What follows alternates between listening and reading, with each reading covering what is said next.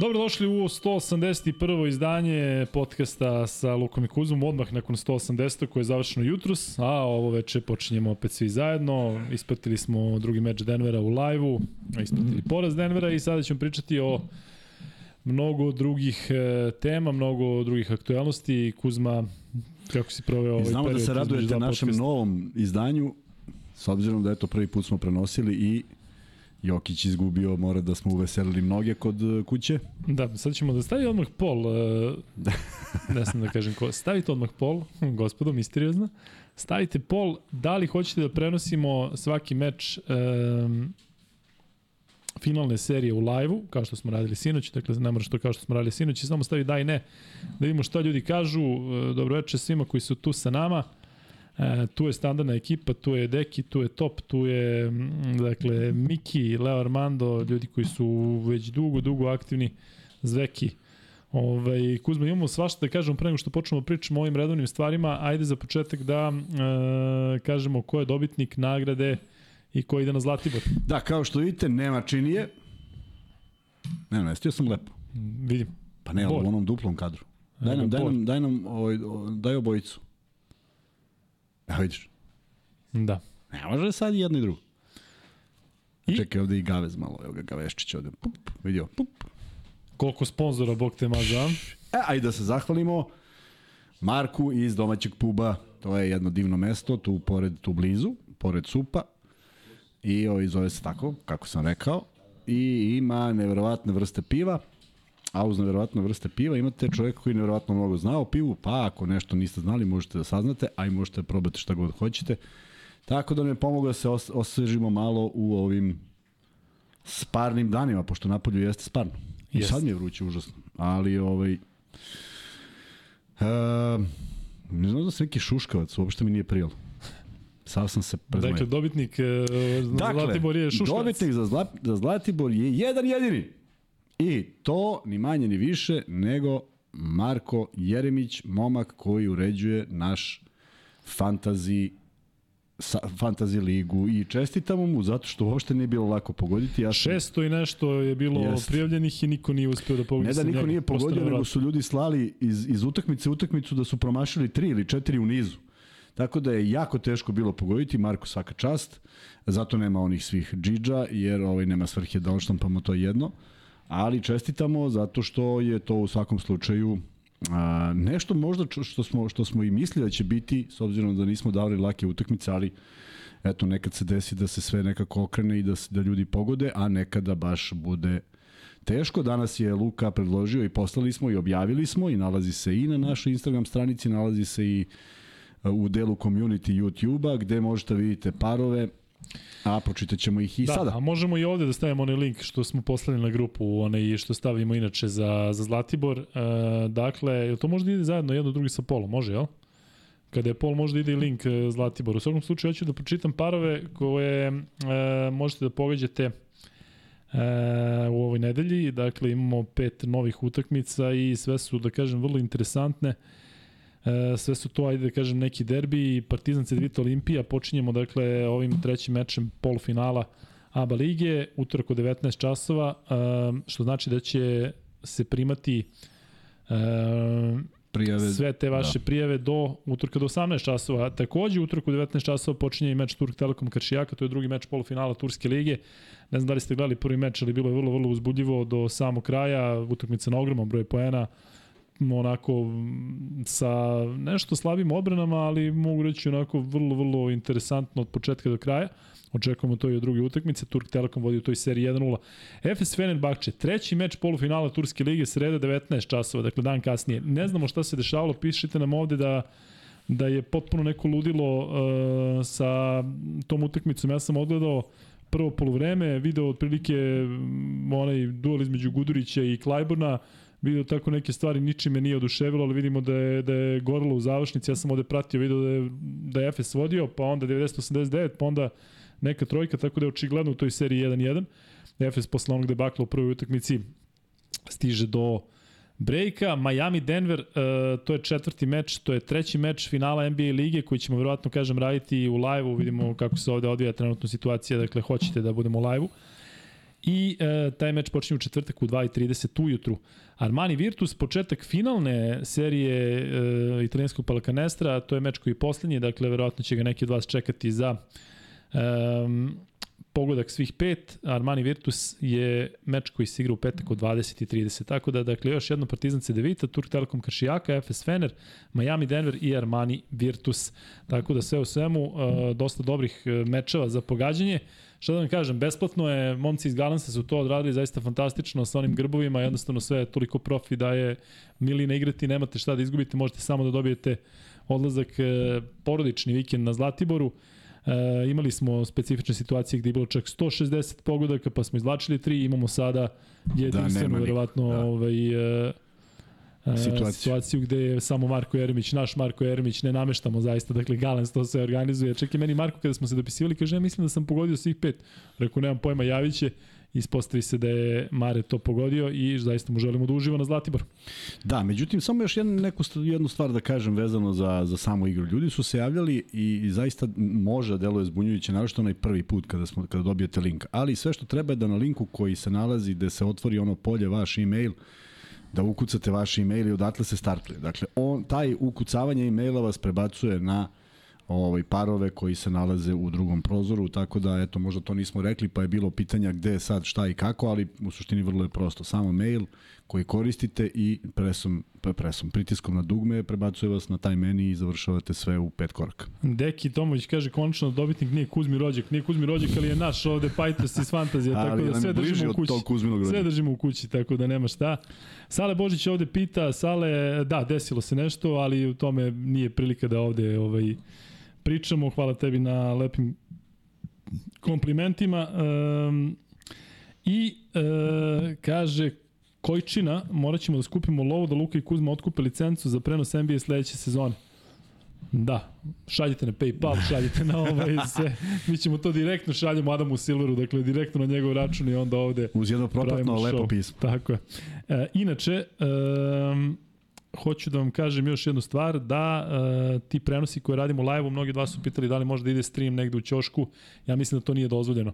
Dakle, neko je ovde čak i objasnio, možemo da stavimo kao u, u ćošku da ljudi vide u tom trenutku šta se dešava, ali to je onako malo pipavo, ovaj, uh, kapiram da bi bilo interesantnije, ali ajde proverit ćemo pa ćemo vidjeti da li je to uopšte izvoljivo da napravimo neki belaj posle da da 181. izdanje podcasta s Lukom Kuzmom bude i jubilarno poslednje. Da.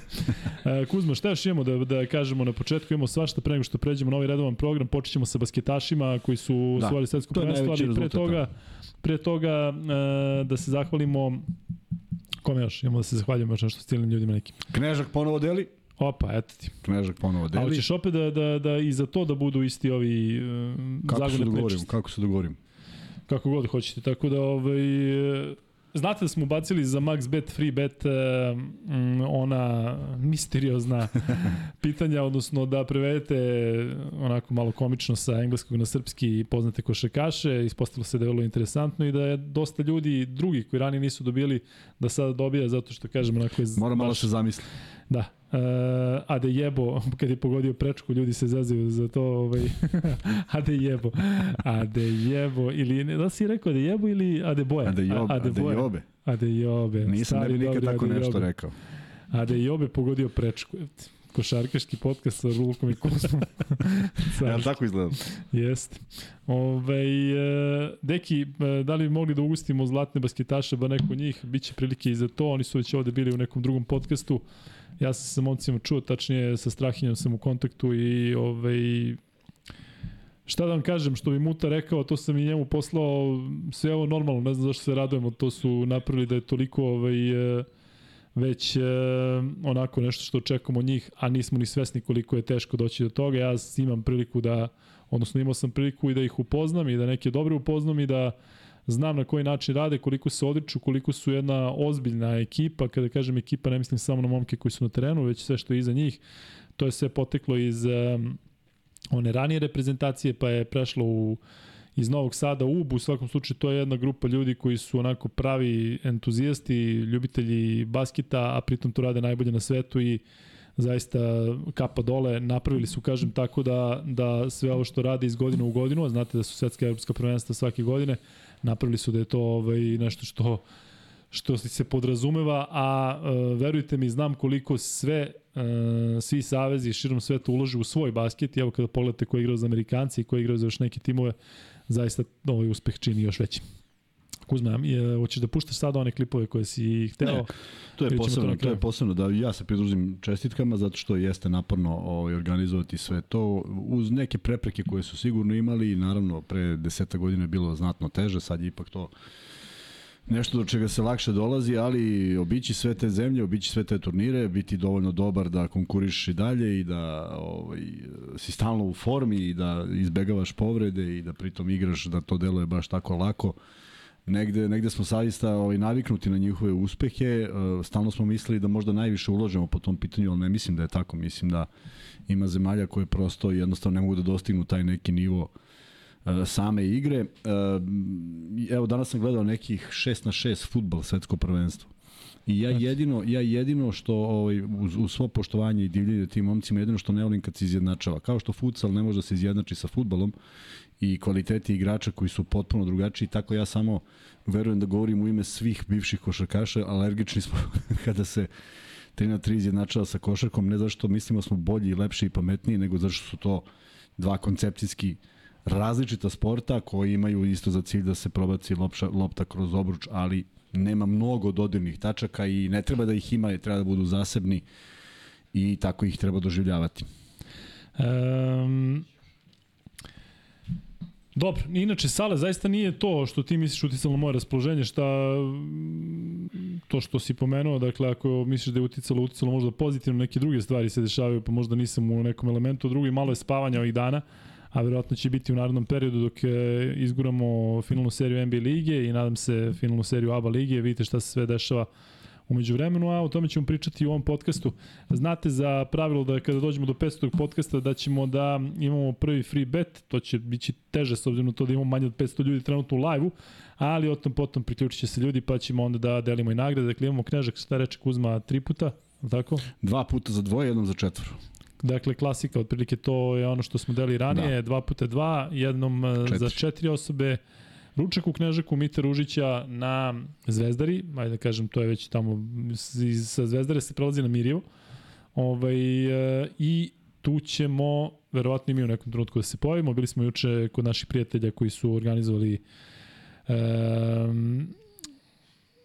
kako ono da nazovem, ono je... Koktel. Da, zakuska. e, jedan prijem u vezi, odnosno oni su u potpuno drugoj priči grade objekte i e, imali smo priliku da upoznamo i taj neki svet i da, da, da vidimo kako sve to funkcioniše, zaista sve što se njih tiče delo je kao i naša saradnja sa njima fantastično, tako da eto newminal.rs ko hoće da vidi ono čemu smo pričali u našem Instagram live-u i eto možete da, da vi koji ste u mogućnosti odaberete nešto što vam se tamo sviđa. Vidjet ćete i sami o čemu se radi. Kuzma, šta još imamo? Ja bih voleo sada da pređemo na ono što sam najavio, baš zbog toga što ćemo uglavnom pričati posle o svemu što nas čeka, ako nas uopšte nešto čeka, s obzirom da neke bombastične najave stižu sa svih strana, ali voleo bih da popričamo onome i to da se zahvalim čoveku koji je sad već u nekoliko zadnjih godina poprilično često u Beogradu, Aleks Panović, čovek iz Čikaga, poreklom iz Kraljeva, koji je nekako sticam okolnosti uz posao kojim se bavi, ceo svoj život posvetio košarci i nekako mislim da poznaje svu tu decu koja dođu naravno u Chicago pa i šire, o njima vodi računa, e, godinama je bio organizator manifestacija u Americi, kad je bila ona grupa 7 sa Divcem Paspaljem ekipom, on je već tada bio aktivan, poznaje sve te košarkaše i na neki način su i prijatelji i, ovaj, i vodi računa o tako nekoj deci koja se pojave u Americi i onda E, preko njega uz ono sve što smo radili 2017. nažalost tada ga još nisam poznavao, smo ovaj, se vratili na neku temu koja je meni izgledala interesantna i onda nisam mnogo, mnogo da googlam, niti da se trudim, jednostavno mi je doneo i pokazao neke stvari koje želim da podelimo sa vama, samo uz jednu poruku. Dakle, to su deca koja su rođena na tlu Amerike, e, svi oni imaju uz svoje Instagrame ili kakve god naloge imaju srpske zastave i doživljavaju se kao Srbi, jedino što mislim da niko za njih ne zna da postoje. A radi se, na primjer, o Stefanu Čičiću, ili tako? Pa pustite ovo, taj, to je dečko koji u ovom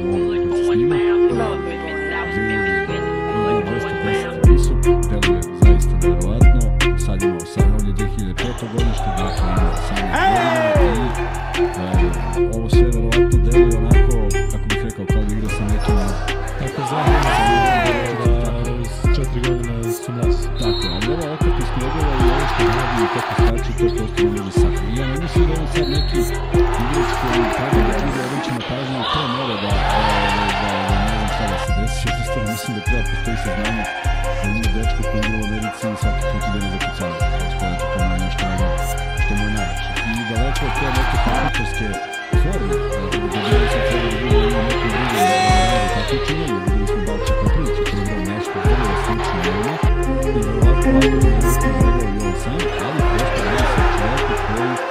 je potpuno nepoznat našoj javnosti i ne znam zašto. Nije, nije ovoga teško doći, nije teško doći do popisa te neke dece koja postoje.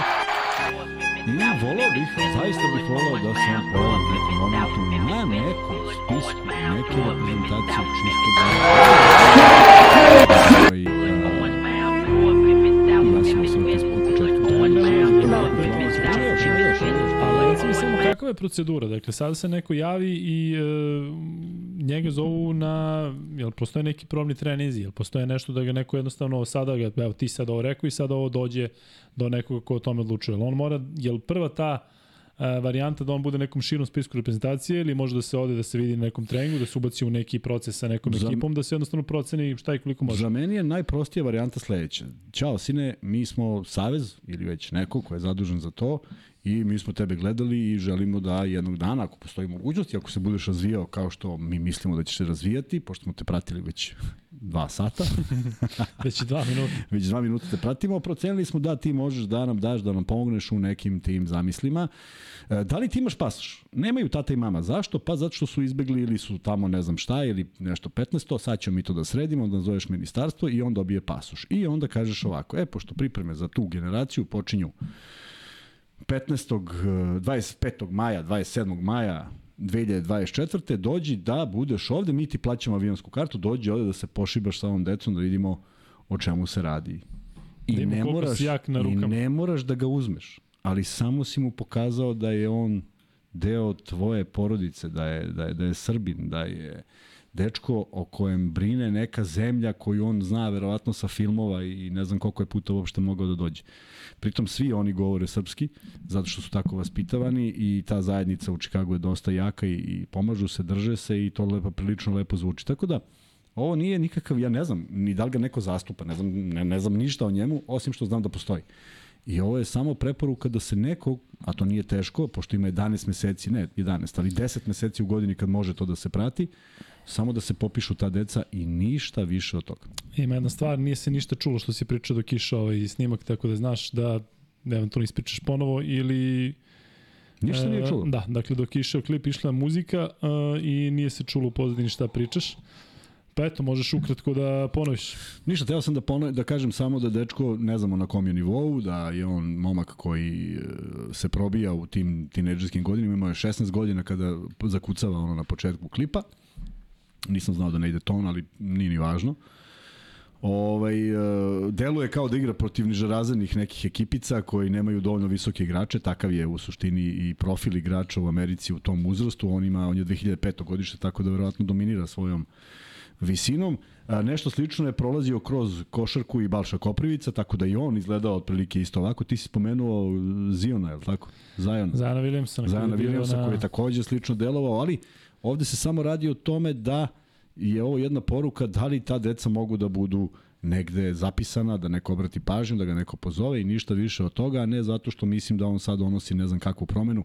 Jedino što je vidljivo to je da svaki put ide na zakucavanje, pošto je to na neki način a, deo njihovog treninga kako se vaspitavaju i kako, kako treba da završavaju a, napade. Ne da polažu, nego jednostavno američka škola, ideš jako na obruč i uvek, i uvek pokušavaš da zakucaš.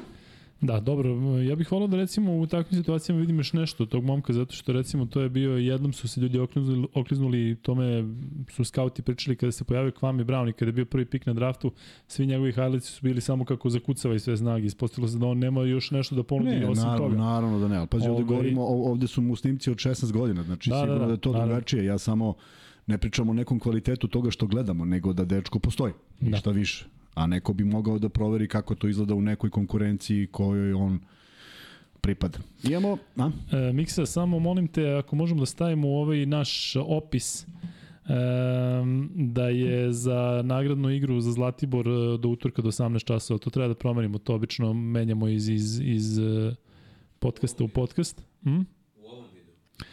E, ne, nego inače, u, da, u ovom, u ovom sada videu, u ovom opisu, dakle da samo ljudima kažemo da je ovaj e, link za nagradnu igru, smo to stavljali ranije, ranije smo nešto menjali, sad vidim da nema, a? Pa zato što na kraju ja to. A, dobro, dobro, super.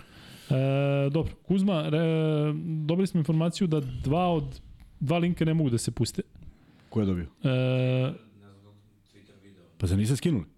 Ne s Twittera, ovo drugo. Tri ima video. A, ne mogu ovi da se skinu. ali još, ili imaš neki da može? Ovo je jedini koji može, jel? Ne, ima Da, da. tri, ima tri. Ajde vidimo, pogledamo Ajde. drugo dete. Samo da vidimo da li se čujemo u pozdini. Javljajte nam da li se čujemo, da. da li se mi čujemo u pozdini. To je sada bitno da znamo da li da pričamo.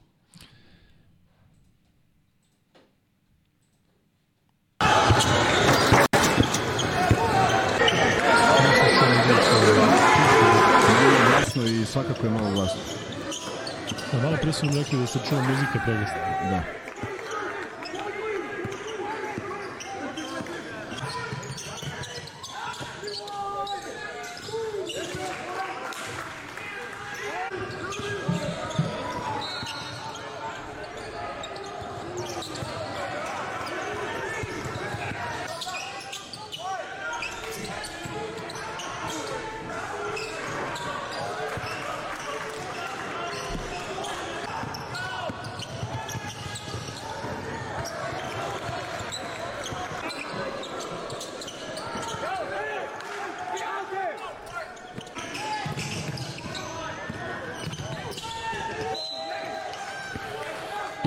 Miki, slobodno.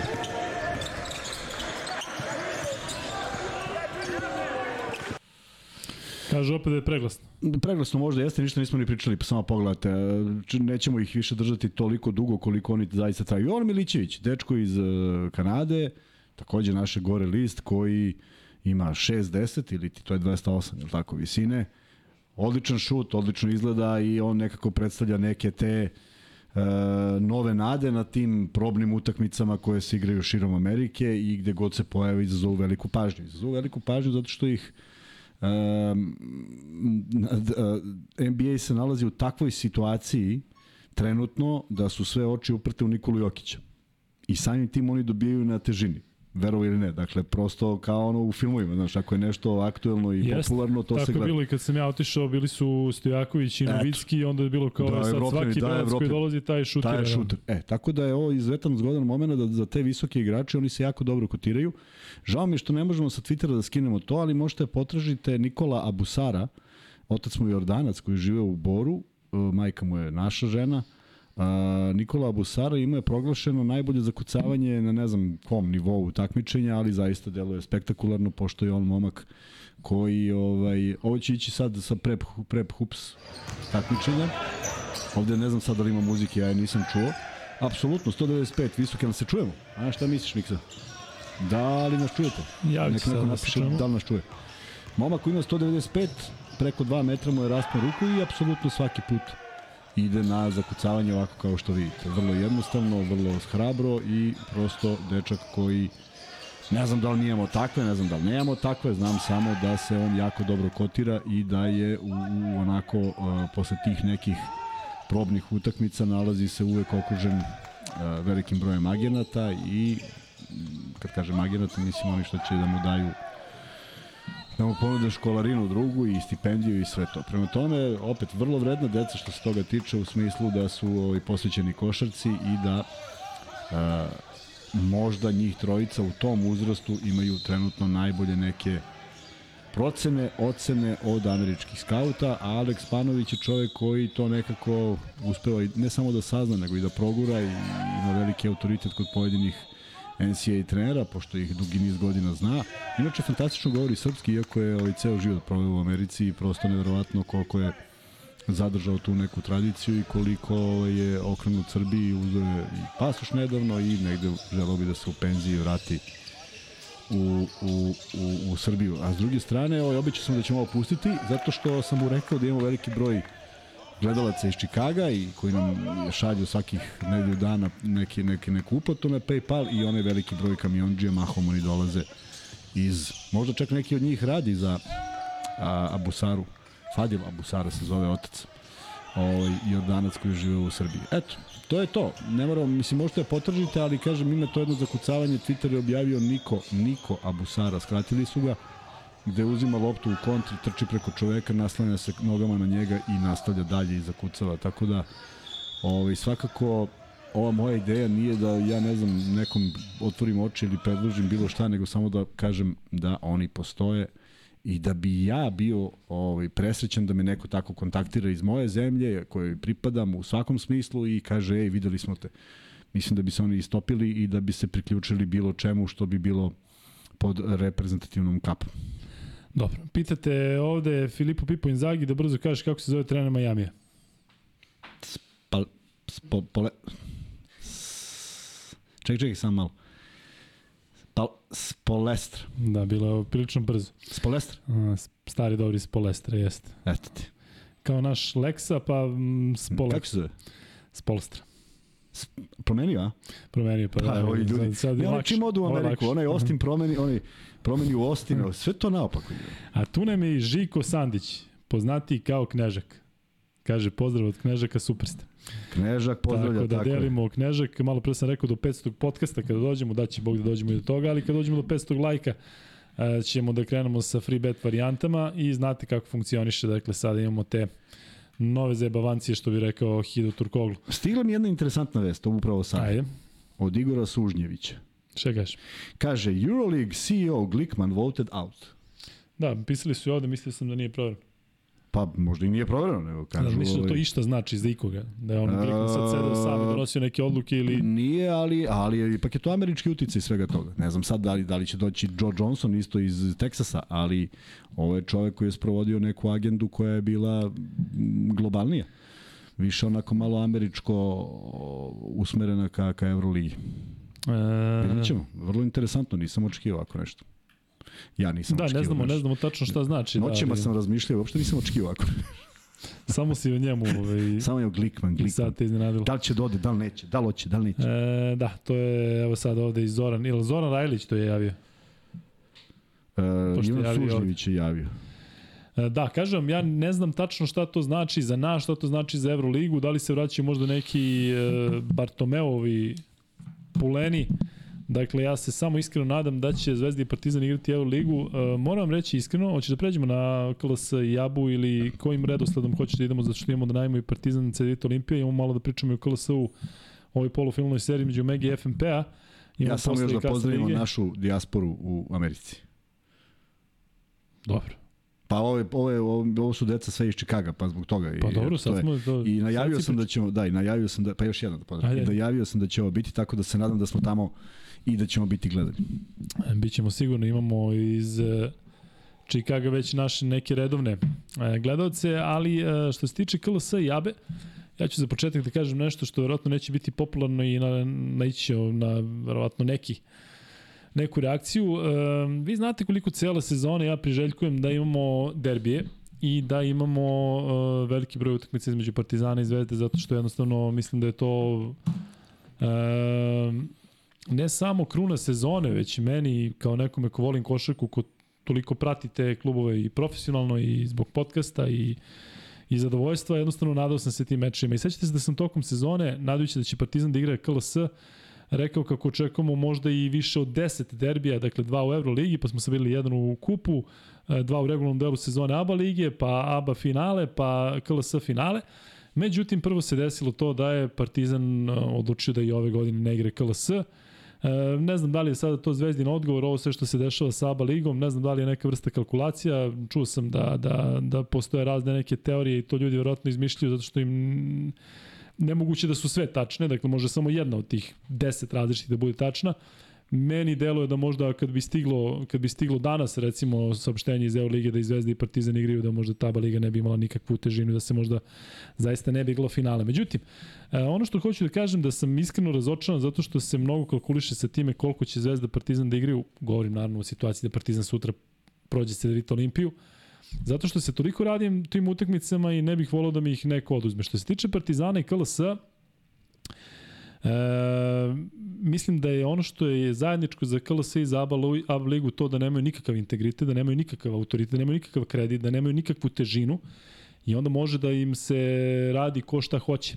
A to Partizan i Zvezda koriste svako na svoj način. Dakle, mi smo imali priliku da ove sezone vidimo kako i Zvezda i Partizan mogu da budu vrlo poslušni i vrlo odgovorni i vrlo sigurni kada se organizuju Euroligi sve. Bez incidenata, bez bilo kakvih problema i Zvezda i Partizan, dakle to je me zajedničko. Mi znamo da su i Zvezda i Partizan imali svoje probleme sa Euroligom ove sezone.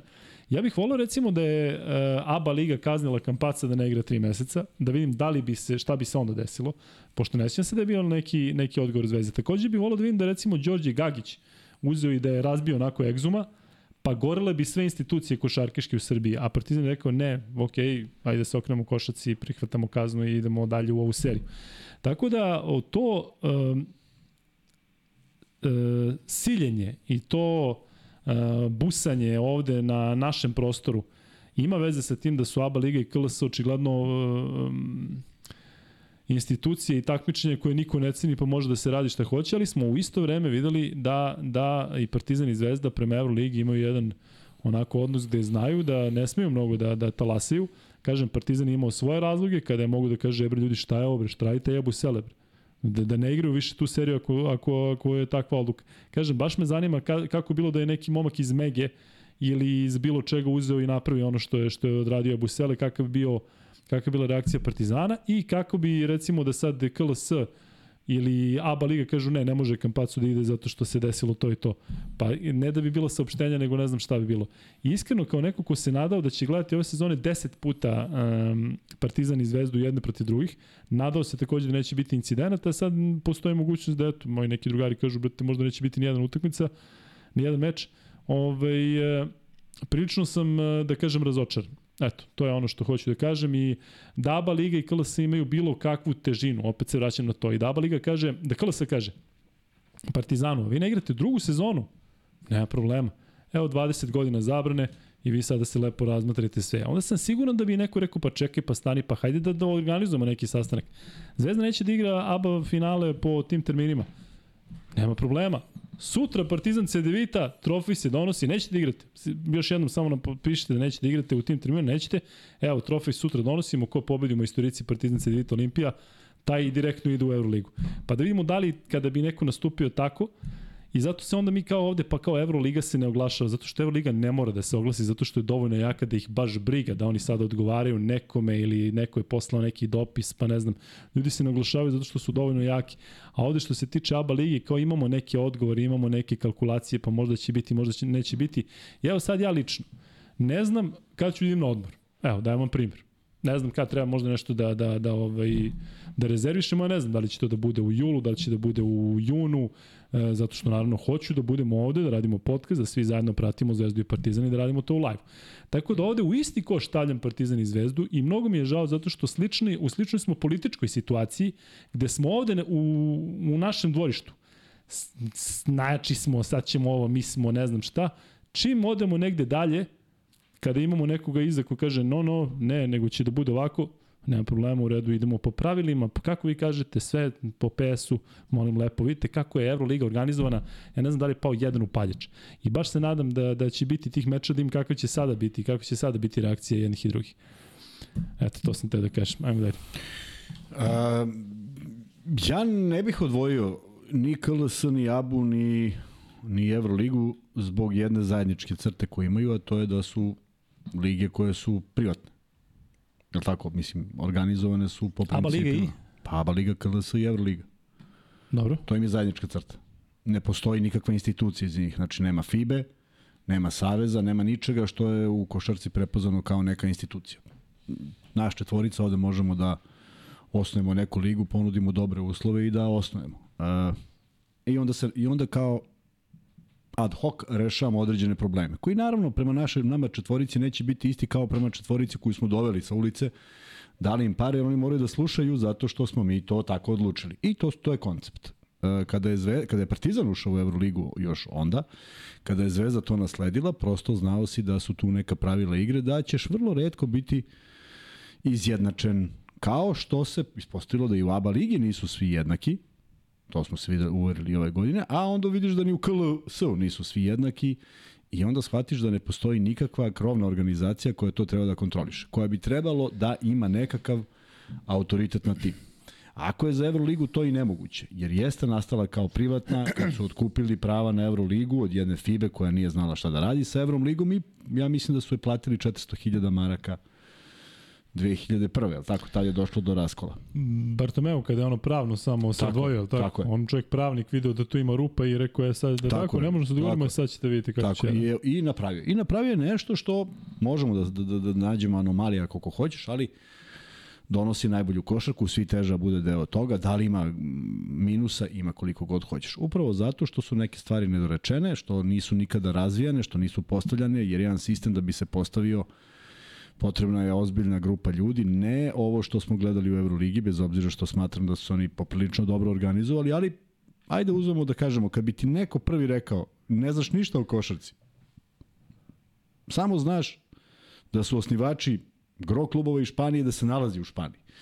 Šta ti je prva asocijacija? Pa to zaštitit će španski interes. I to je nešto što, što čega ne mogu da pobegnu. Tako ni ABA Liga ne može da pobegne od e, štićenja interesa najvećih klubova koji su to organizovali, što je evidentno. Tako ni KLS ne može da pobegne kada se pričao i tako ide u krug. Tako da njima zajednička crta da tu nema neke dorečeno, ima ogroman uh, uh, prostor za, za malverzacije, nedorečenost je velika i onda se dešava ovo što se dešava. Sada, ući u raspravu ko je u pravu, ko je u krivu.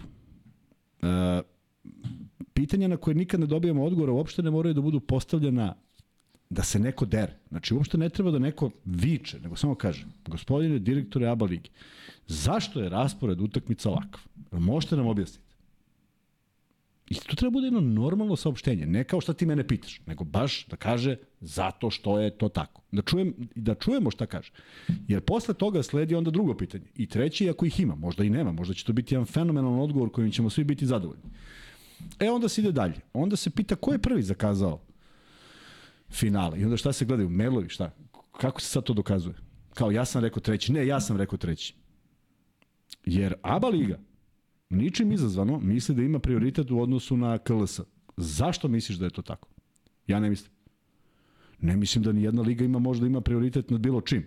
Zato što Euroliga kad zakaže svoje termine, ti se prilagođavaš tome. Možeš ti da zakažeš svoje, ali je besmisleno jer je Euroliga skup regionalni, pa nije, njima je možda najteže da naprave termin. Pa se ti prilagođaš, pa može i KLS se prilagodi ABA ligi, sve je to do, stvar dogovora. Ali ja ne vidim da bilo kakvog dogovora ima. Ne vidim da se bilo ko trudi da spusti loptu, ne vidim da mi slušamo neke informacije koje nas zanimaju, a moje zaista prvo pitanje bi bilo zašto je play-off ovako nakaradan? Ni jedan drugi play-off u Evropi nije ovakav. Je to, je to legitimno pitanje, o, o, dobijamo odgovor na to? Kakav god da je.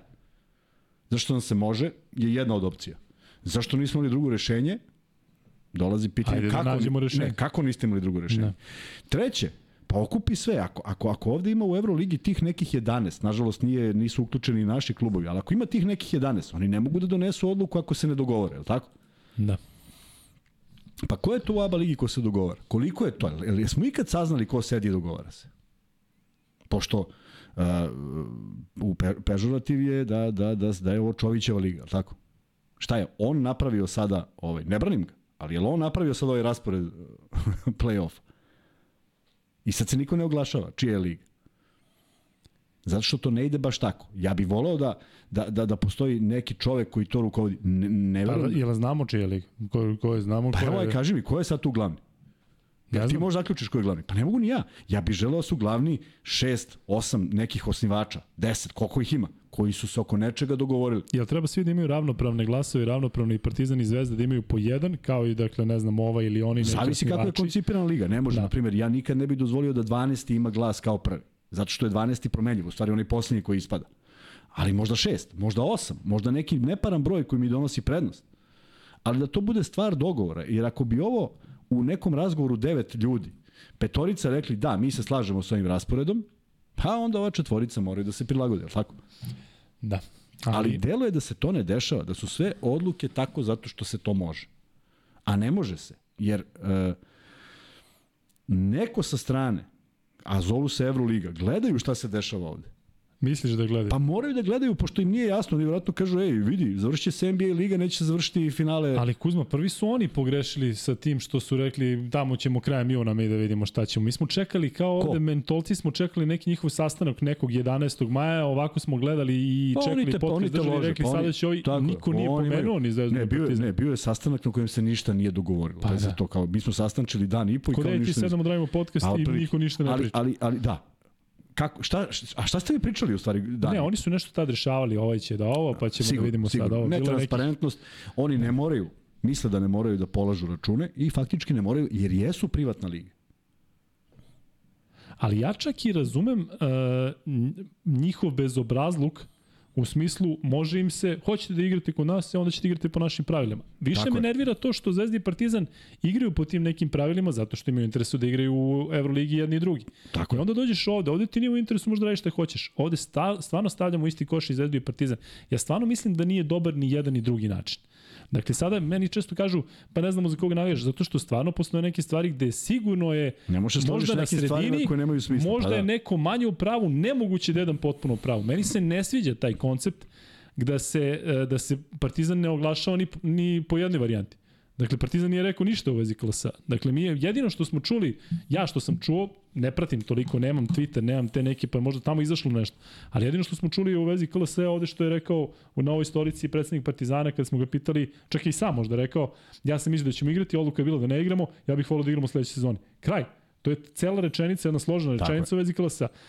Dakle, Partizan nema ni, ništa ne odgovara nikome niti bilo šta. Zvezda sa druge strane ima saopštenja za sve.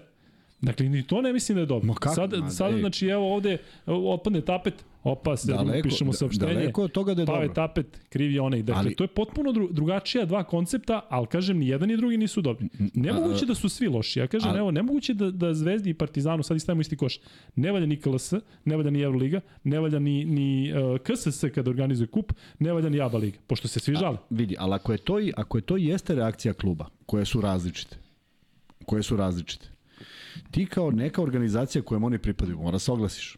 Ne, ja ne mislim da treba da se oglašavaju Zvezda i Partizan. Na konstataciju, mi nećemo učestvovati ove, lige, ove godine u KLS ligi, Organizacija kaže zbog čega, oni kažu nismo dostavili, ili tako, rekli su nisu dostavljena dokumenta. Ok, to povlači, pa mora negde da piše šta to povlači ako je to ozbiljna Tako je. organizacija. Pa prošle godine se nisu ni oni oglasili, ni pa tako. Upravo, ne treba, ne treba mi igra. da pitamo Partizan. Ne treba mi da pitamo Zvezdu šta misli što Partizan Tako ne je. Mi treba pitamo KLS. A KLS koga go- pitamo? Ovdje ja i ti pokušamo da gonetimo ko je taj koga pitamo. Evo sad ćemo da ga zovem. Sad ću da uzmem telefon da nađem. KLS da idemo na Google da kucamo direktno. Nema, i šta će, pa upravo ti kažem, koji ćeš odgovor dobiti? Evo ja pitam najbanalnije pitanje bez euforije. Gospodin, evo, nasmejan sam i kažem, zašto se igra ovakav playoff? I, i, i cvetići onako, Govoriš za Baligu. zabaligu. Da. A on kaže, On kaže sledeće. Hteli smo da izađemo u ne susret kaže, svima ne, može, da bi mogli. ne možeš ti da izlaziš Ne u susret. da stavimo- Ne možeš, nisi izašao borcu iz Čačka, koji je trpeo, nisi izašao svima. Već nisi izašao svima. Evo ovde je već neko rekao i to smo i ranije govorili. Dakle, uh, jedna od opcija, možda najbolja, je da se na početku sezone odrede uh, mečevi polufinala, finala i finala. Tako, polufinala, četvrtfinala. pa naravno. I Partizan i Zvezda igraju četvrtfinale Euroligi baš u tim terminima. Šta se dešava? Ne može u tim terminima da igra. Ne može. Zna se koji su termini. Pa znači Euroliga igraš se protiv. Real, Madridskog Reala koji u tom trenutku igra, ne znam šta, i Euroliga će da kaže šta. Ne, znači, Ne, aha, ne, ne, ne, ne, ne, ne, ne, ne. Euroliga ne kaže ništa. Ti se rukovodiš prema ligaškom kalendaru. Zato što je to najregionalnije takmičenje. Znači, obuhvata mnogo zemalja i ne mogu oni da... Aha, prema njihovom kalendaru ti kažeš evo sad su ove rupe i može njihove, se igra. Da, njihovo, sad. Njihov play-off se igra u istim terminima, u istim, u istom odnosu. Možda nije bukvalno isti dan, nego gađaju da je utorak i četvrtak, nije isti datum. Ali Da. znaš koja je nedelja i koji su dani. Jeste, oni ako neko izbacuju, oni već izbacuju Oni izbacuju, u, tako. u avgustu izbacuju. Ti plan. znaš da je do 19. do 21. maja Final Four. I niko tad ne igra, I ništa, ne to igra. znam. Ti znaš kad se završava finalna serija peta utakmica i ti ubaci između šta god hoćeš. To radi ozbiljna kuća koja može da kaže, ok, sad ćemo mi da uradimo sledeće. Sad nećemo da jurimo da moramo da se igra ono, ono među kolo, nego ćemo da pustimo da mi malo prolongiramo, da ipak držimo tu neku formu igrača, pa će naša liga da se završi u tom momentu kada se završava top 8. Ali onda ćemo po završetku top 8, tri dana kasnije da pravimo prvo kolo play-offa. Ako smo izabrali da igramo 8 timova. I ono će se igrati jako ubrzano, kao što se uvek igralo. 1-1-2. Ili 2, 3. jedan, jedan, dva, šta sam teo kažem, jedan, i, i, e, da se igra jedna za drugom, pa dva dana pauze, mi smo tako igrali svoje vremeno, ili da se igra sa danom pauze, pa sa dva dana pauze. I to je to. A I to je, se tačno zna. vidiš negde za šta je razlog što se uglavnom izbjegavaju da se igra vikendom? A postoji neki razlog? Ko, ko da igra vikend? ABA Liga četvrt finale i ovo sve, ništa vikendom nisu. Ne, ne. To postoji nešto. Ne. Ranije ja, no, čekaš vikend da bi gledao utakmicu, da bi bio Nemam slobodno da bi igrao. Da, da. Ne, po, kad dolazi play-off više ne postoji uh, dan, radni dan, neradni dan. Kad krene play-off. Prosto u jednom momentu moraš da igraš i radnim danom. Jer tako, ne možeš čekaš Da. da. 7 dana. Ali nikad se play-off nije čekao 7 dana. I ja mogu da zamislim ko, ko je to, uh, uh, mogu da zamislim igrače Partizana, koji treba da igraju protiv Sudetskog centra dan pre početka Final Fora, mogu da zamislim taj osjećaj, ali mogu i da zamislim osjećaj igrača Zvezde koji odigraš utakmicu i kažu sad mesec dana nemamo ništa. Da. Pa šta radiš mesec dana? Kako održavaš to veštački? Ti, te, tebi, tebi telo završi sezonu. jebote. Ne, slažem se da je potpuno besmisleno iz ugla Crvene zvezde, toliko imaš načučkanih utakmica najboljih na svetu da, da se žališ i da kažeš poredeći mi se igrači pa i da. sada ideš u potpuno drugu krajnost gde imaš samo treninge. Tako je. Dakle, apsolutno razumem. Ali ono što ne razumem je to da nema nikakvih sankcija nikom. Nikome, u tako je. smislu da, e, da mi je to pričao taj Benji koji se družio sa Markom Jarićem, ovde se ograđujem, ali mislim da je Marko E, nije mi pričao Marko sigurno, ali mislim da je vezano za njega, dakle njegova ruki sezona u, u NBA ligi, e, kasnio je 5 minuta na avion. To sam ti ja možda pričao. Jesi? Kad je, našao, kad je mišao kako je prošlo, niko nije primetio da zakasnije.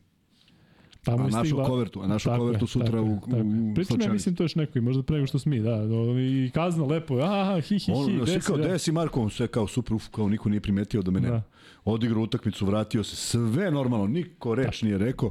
Sutra kaže koverta na ovoj, op, ne znam kolika kazna, što si zakasnio. Ja vam kažem, dakle, Amerika ima mnogo mana, ali meni se sviđa sistem gde ti jednostavno, hoćeš da budeš deo tog sistema, moraš da znaš da se ponašaš. A ako nećeš da se ponašaš, oni te ozbiljno sankcionišu. Ja vam dajem svoj primer. Na mojoj e, drugoj godini koleđa ja se posađam, naravno se posađam sa profesorom logike koji se zvao Carlo Kobelja. I e, on je bio jedan divan čovjek koji mi je bio tamo, mogu reći, i prijatelj.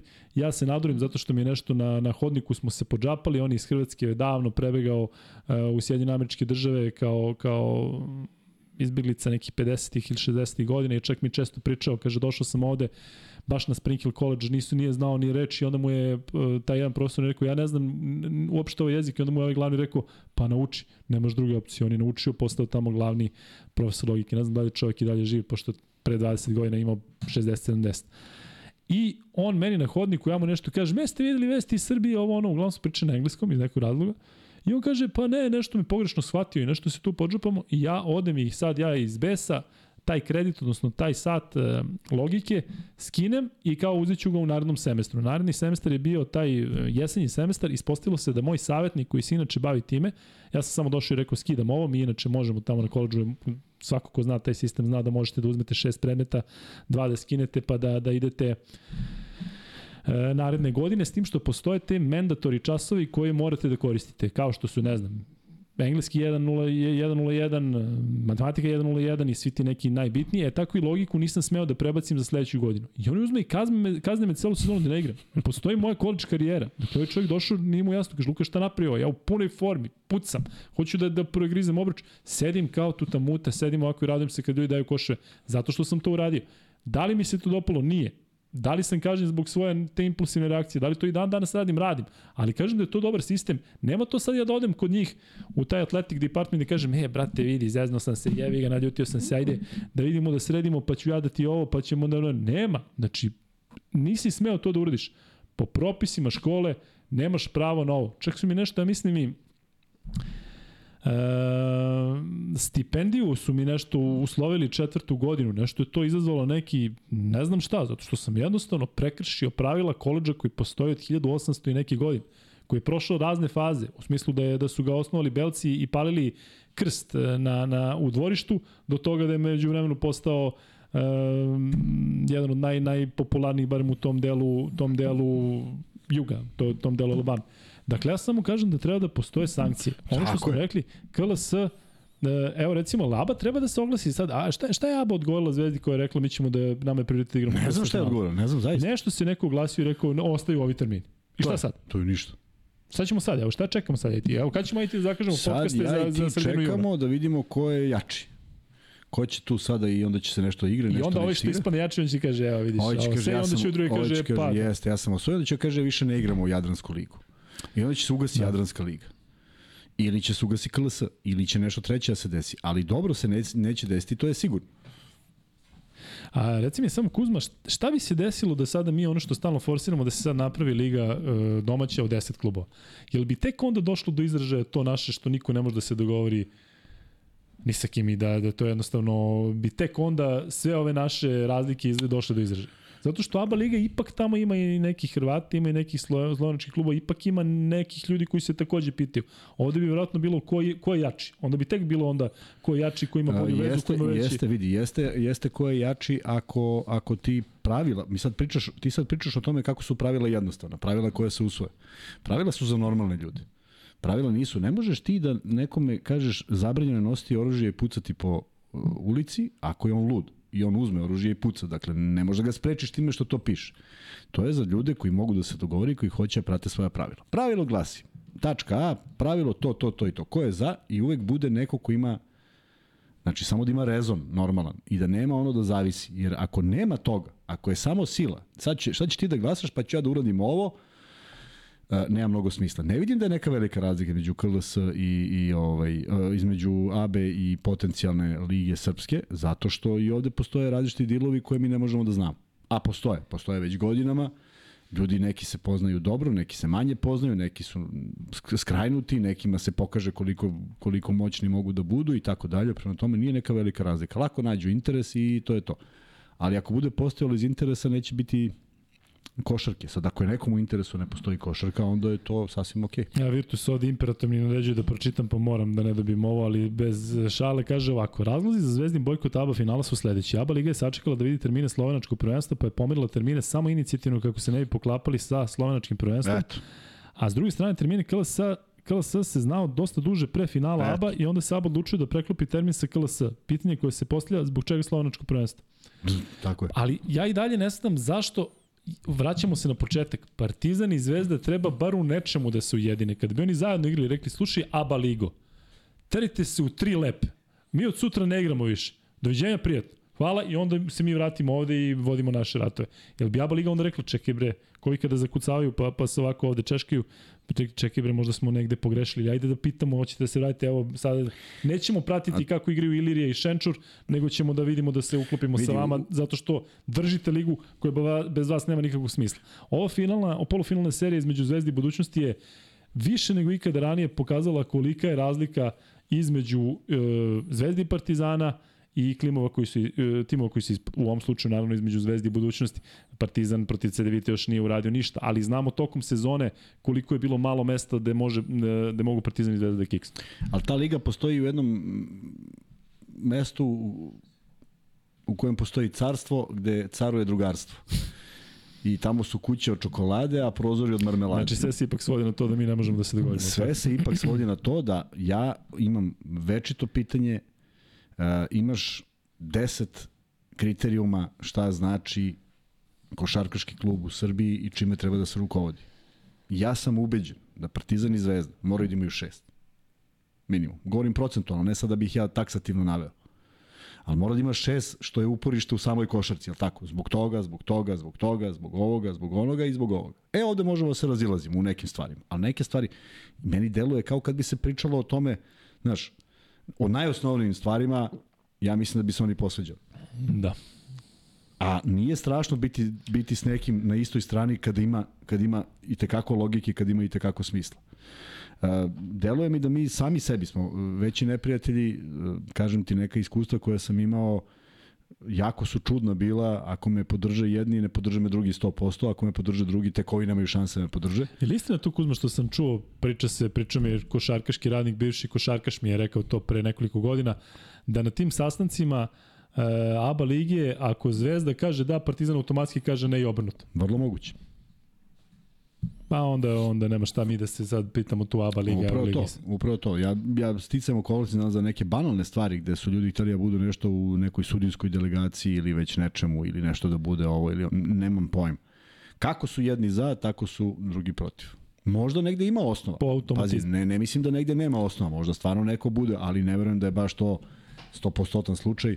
A kažem, mora da postoje neke stvari u kojima se slažu. Ja sam ubeđen da Real i Barcelona imaju i političke razlike. Jer ipak je to dva regije, dve Kako regije, tako? Pa moraju da se saglase negde. Negde mora da se saglase. I između njih se isto vode svaki Sigurno, ratovi sigurno, konstantno, ali ono funkcioniše. Ali I funkcioniše. dva su naj, tako, najveća tima na svetu, dva najveća sportska kluba na svetu. Tako i ni jednom od njih nije palo na pamet da izađe iz nečega. I ni jednom takvom velikanu nije na pamet palo da izađe iz bilo čega. Dobro, oni stvarno tamo imaju specifičnu situaciju zbog Katalonije i svega. Dakle, oni, kome, oni, oni o igraju svoje takmičenje, igraju u prvenstvu Katalonije, dakle oni tamo, što kažeš, nije možda za poređenje, ali da moraju negde da se, da se skupe i da kažu čekajte ljudi, dajte da vidimo šta o kako. čemu se radi. Tako da, nažalost, e, pojavila se neka vest, javlja stvara se nikad jača Srpska liga i tako dalje. Mislim, sve to lepo zvuči, ne znam, ne znam ko je to sad izbacio i na osnovu čega se spekuliše time. A, mislim da neke stvari posle ove sezone, posle ove sezone, ako se uopšte završi, moraju da se srede. Ako to bude zadovoljni su ovi što su prvi i sad nas baš briga, ili zadovoljni su ovi drugi što su prvi, pa nas sad baš briga, od toga nema apsolutno ništa. Jer ovo neće, zaživ, ne, ne, neće imati nikakav smisao. ABA Liga je već izgubila smisao, osim što mi negde doživljavamo, mi koji znamo onu SFRJ ligu, mi je doživljavamo kao nešto kvalitetno. Iskreno, ne mogu da se zakunem da je ona mnogo kvalitetnija od, od, od, od lige koju, smo, ovaj, koju bi mogla da ima Srbija. I čak ne mislim bilo ko drugi. Pa, možda po nekom osnovu da pozovu, bratskom osnovu se pozovu tri crnogorske ekipe. Pa se napravi neka liga koja može se zove isto tako da se zove kako god želiš. Ne mora da se zove, ne znam, KLSCG. Pa na, eto. Nap, napravi šta god hoćeš. Tako da, e, Mi ovde često Kuzma, odnosno ti, znaš da ponudiš i neke rešenja. E, da li je ta polazna ja tačka... moram da patentiram neke stvari. Pa evo, evo sad imaš priliku. Ali kad kažeš da neke stvari moraju da se promene, na koje misliš da su, da su ključne? Ključno je da ingerencija nad ligom bude neke institucije koju možemo da verujemo, koja ima svoju neku istoriju, koja ima neku svoju tradiciju, koja ima neka svoja pravila, koja neće podleći pritisku zato što svi znamo da je nešto koja će biti transparentna, koja, koja će prosto e, e, po, po pravilniku koji ima, koji neće menjati ad hoc kome kako odgovara, reći ne može da se uradi to i ti više nisi član te lige dok se ne ispune uslovi ili bilo šta. Ali imamo mi recimo nekoga, uvek govorimo o tom trustu mozgova i sada dođe 16 trenera, 16 košarkaških radnika, 16 legendi, ali tu uglavnom opet postoje oni koji su ili igrali ili vodili Partizan ili Zvezdu. Jel mi imamo nekoga kao Boru Stanković ili nekoga ko će da Nemamo. bude iznad ili kao profesor ili kao, iako profesor i Ranko Žerović, iako mo, njih možemo da negde da kažemo gde su bili, šta su radili, da kaže on bre kad kaže ima da se ćuti i to je tako. Bez obzira da li si Partizan, da li si Zvezda ili si Mika, Žika Podunavac, ćutiš i radiš kako ti se kaže. Vraćamo se na ono staro. Nekad se živelo za košarku, sad se živi od košarke. Svi ti ljudi koji si spomenuo su živeli za košarku. Pa onda u, mi idemo ka tome da u stvari nemamo rešenja ove situacije, zato što će Nije- se i dalje nije- živjeti od nije- šta god da se promeni. E, neće, ne, više ne možemo, da. Ovde sad možeš bukvalno da finansijski staviš nezavisne ljude, da su oni finansijski nezavisni, da ne zavise ni od koga, da su to pet nekih ljudi koje ne moraju uopšte da budu u košarci, da su to ljudi koji su pravnici, advokati, baš kao što je Bartomeu. Čovek verovatno ne zna ništa o košarci, bar u onom momentu kada je preuzeo košarku, i da kažeš mi imamo takva pravila, dođite ovde, pročitajte molim vas ovih 880 strana predloga pravilnika, pročitajte ih pažljivo, kad potpišete, vi ste u našoj. I oni se ponašaju ovako. Ima pet glasova, 3, 2, doviđenja, kažnjen si, kazna 500.000, kazna 100.000, izbačen si i tako. I, I da oni imaju potpuno. Da li to može kod nas? Ne znam. Kaže Stevan Grbin, Kaže, e, Kuzman, ne pričaj gluposti. ne, kaže, niko ne čita, pa moramo da pričamo malo, ne misli ti Stevan, ali kaže, k- kada shvatite čemu služe Partizan i Zvezda, a to je da društvo bude polarizovano, jer je tako lakša manipulacija masom, bit će nam svima mnogo lakše sportski pozdrav.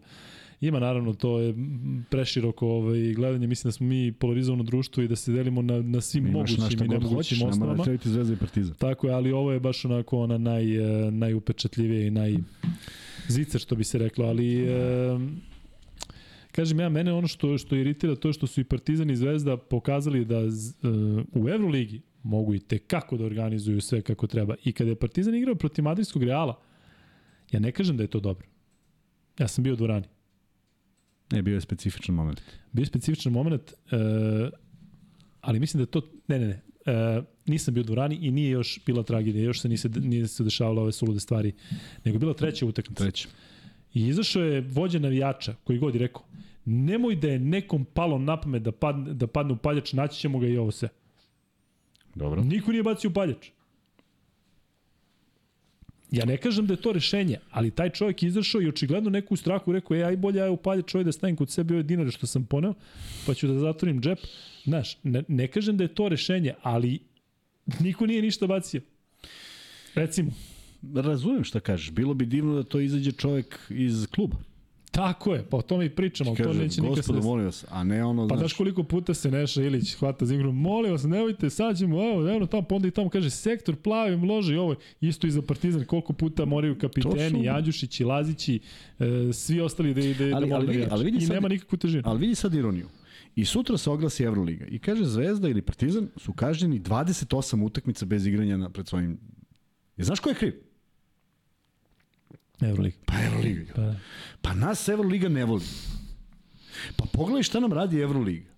Eto, to je, to je odgovor. Mi nikad a ne... pritom je kriv one, ona si izazvao, oni su prvi. A on je kriv, tačno, jer da ovaj nije još pre sedam utakmica, e, to je to. Ljudi, bilo je, e, vi sad možete da se ljuti koliko god hoćete i partizanovci i zvezdaši, ali e, prošlo finale ABA lige. Partizanoci i zvezdaši, nisam Partizanci čuo zvezdaši, 40 godina. da, od 46. to je ustanovljeno i Ko izgleda bude da- bolji, pobedu Da. nek slavi. E, Partizanovci i Zvezdaši da se ne ljute, ali prosto je bilo neverovatno da je tokom finala ABA lige zaista bilo, sad tu je bilo različitih stvari, različitih incidenata, ali je bilo identičnih incidenata. Jednih i drugih navijača, gde su jedan i drugi klub rekli, evo, Evo ga, pa evo ga zbog vi ste to uradili, A, da. a ovo, a ista situacija se desila ovo. I onda ga mi smo isprovocirani. Stvarno se ne, ne ni na jednu ni na drugu stranu. Ali nemoguće da je sve tako crno i belo ili crveno i belo. I kažem, ja samo, samo me ovo nervira zbog toga što e, možda nećemo gledati utakmice koliko je trebalo, a kažem, ovo će biti, ako se igra koja god serija, kada se sve očigledno neće igrati, pa se nadamo da će se igrati bar taba, to će biti najkošarkaški, najkvalitetnija serija između Zvezde i Partizana ikada. Činjenica. Šteta što su stranci toliko bitni u jednom i drugom timu, ali to je to je tako košarkaški, to će biti nešto najbolje od kad postoji klubska košarka. Evo neko možda mi kaže da mi poredi sa nekom godinom pa da vidimo da li da li postoji nešto. Ono što me takođe mnogo nervira je ono o čemu mi pričamo stalno, to su ti momci koji bi trebalo da su primer. Dakle, kada ste videli da momci iz Srbije imaju konflikte jedan protiv drugog, ajde da ne polazimo sada nešto 6-7 godina unazad. Ali koliko puta smo videli Kuzma da se oni bre zagrle na kraju meča bre i da, da, da to su drugari, to su ljudi koji igraju zajedno za reprezentaciju, koji su igrali u mlađim kategorijama.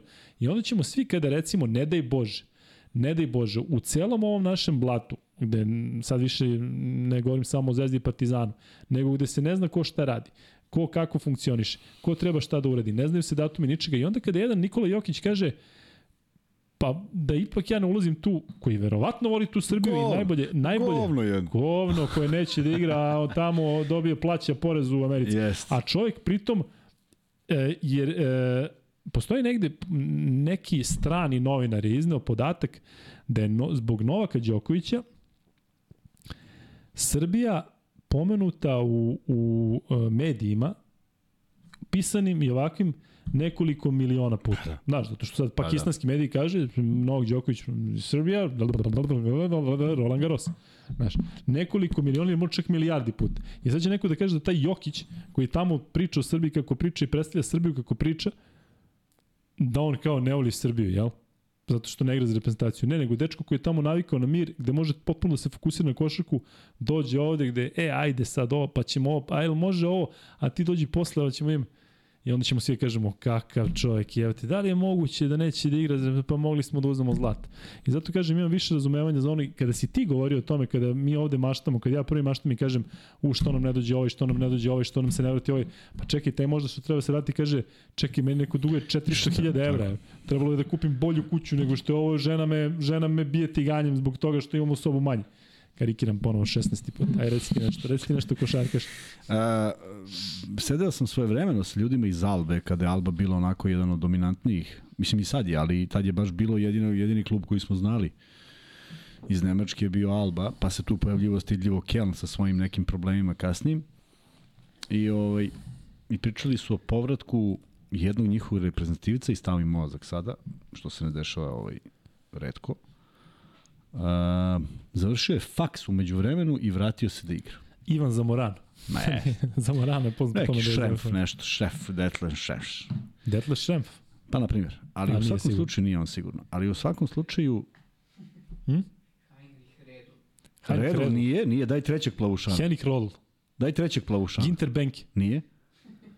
Um, Bio je na spoljnoj poziciji igra, mislim. Ridge. sad će ovde da se Ajmo, javi. nek se javi neko. I on je završio faks i vratio se košarci.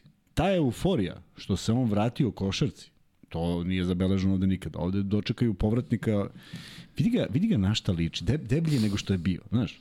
Treća utakmica on kao ne isporučuje ono, 82 poena i 16 skokova, kao, hmm, nije, nije više u onoj formi.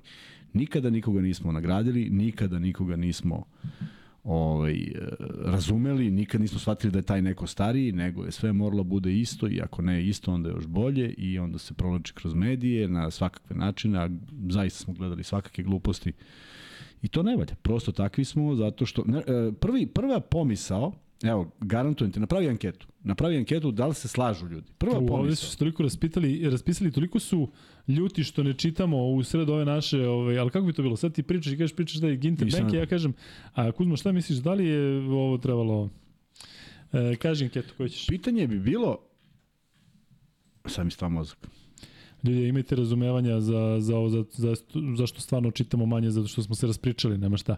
E, Kuzma kad priča, morao bih i ne, ponekad da ga pogledam, ne samo da blame u ovo.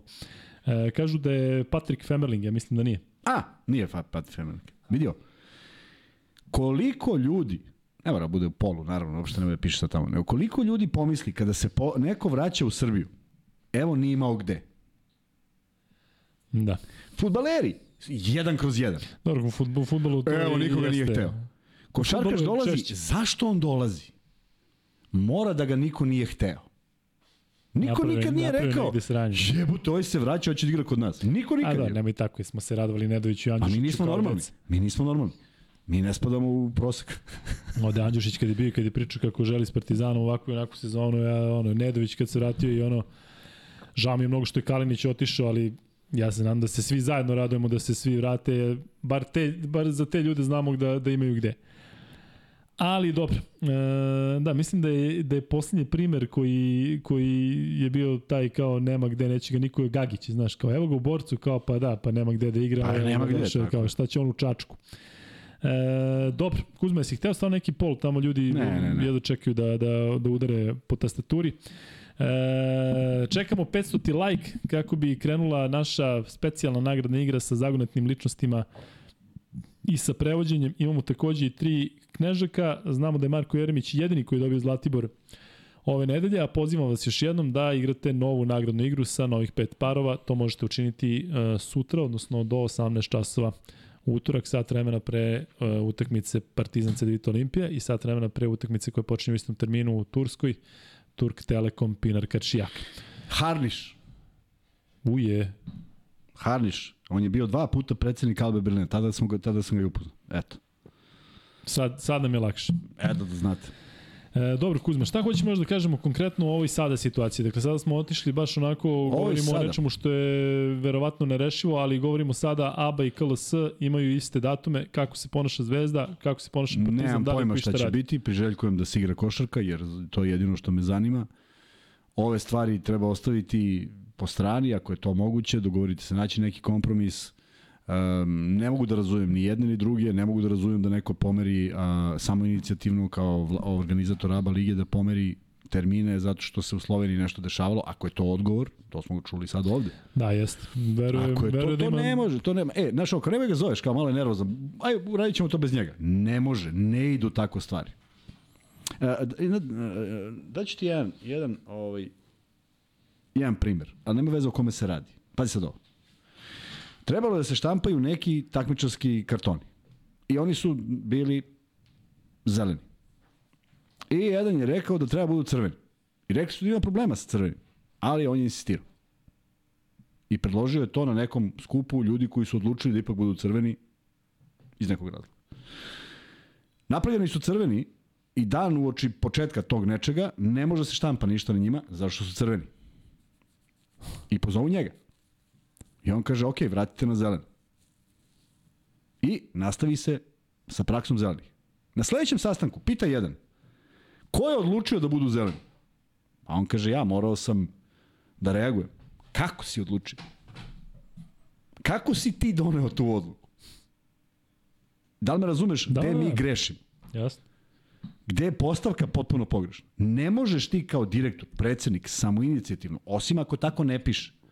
Ako piše, predsednik donosi odluke kad se probudi, samo šibne šta god i to mora da se prihvatiti. na desnu ili levu nogu i To ne ide tako. A sve ju, sve ju u, u cilju da bude dobro. Ne ide tako. Mora se ispoštuje neka procedura koja nije samo forma, nego će ti neko nešto pametnije možda reći, možda će nešto stvarno neko konkretno reći, možda je stvarno trivialnost. Ali mora da se, da se saopšti, mora da bude zajednička odluka. Kuzma, bio si i dalje si u tim vodama, bio si konkretno i u Savezu. Koliko u celoj toj priči je zaista, ne moraš da nam govoriš detalje, ne moraš, Hoću, znam kako ćeš ovo, ali upliv politike, upliv e, raznih interesa, e, Interesa da, politiku nisam menadžersko, imao. finansijskih i Po- ostalih. Politiku nisam imao u mom poslu. Uh, sve drage prijatelje menadžere i sve one koji mi nisu prijatelji, niko me nije zvao, ni, znao je da nema šta da dobije. Uh, objasnio sam im da onog prvog dana svim najbližim svojim i svima s kojima želim da ostanem dobro da ne pokušavaju i oni su zaista bili više nego fair.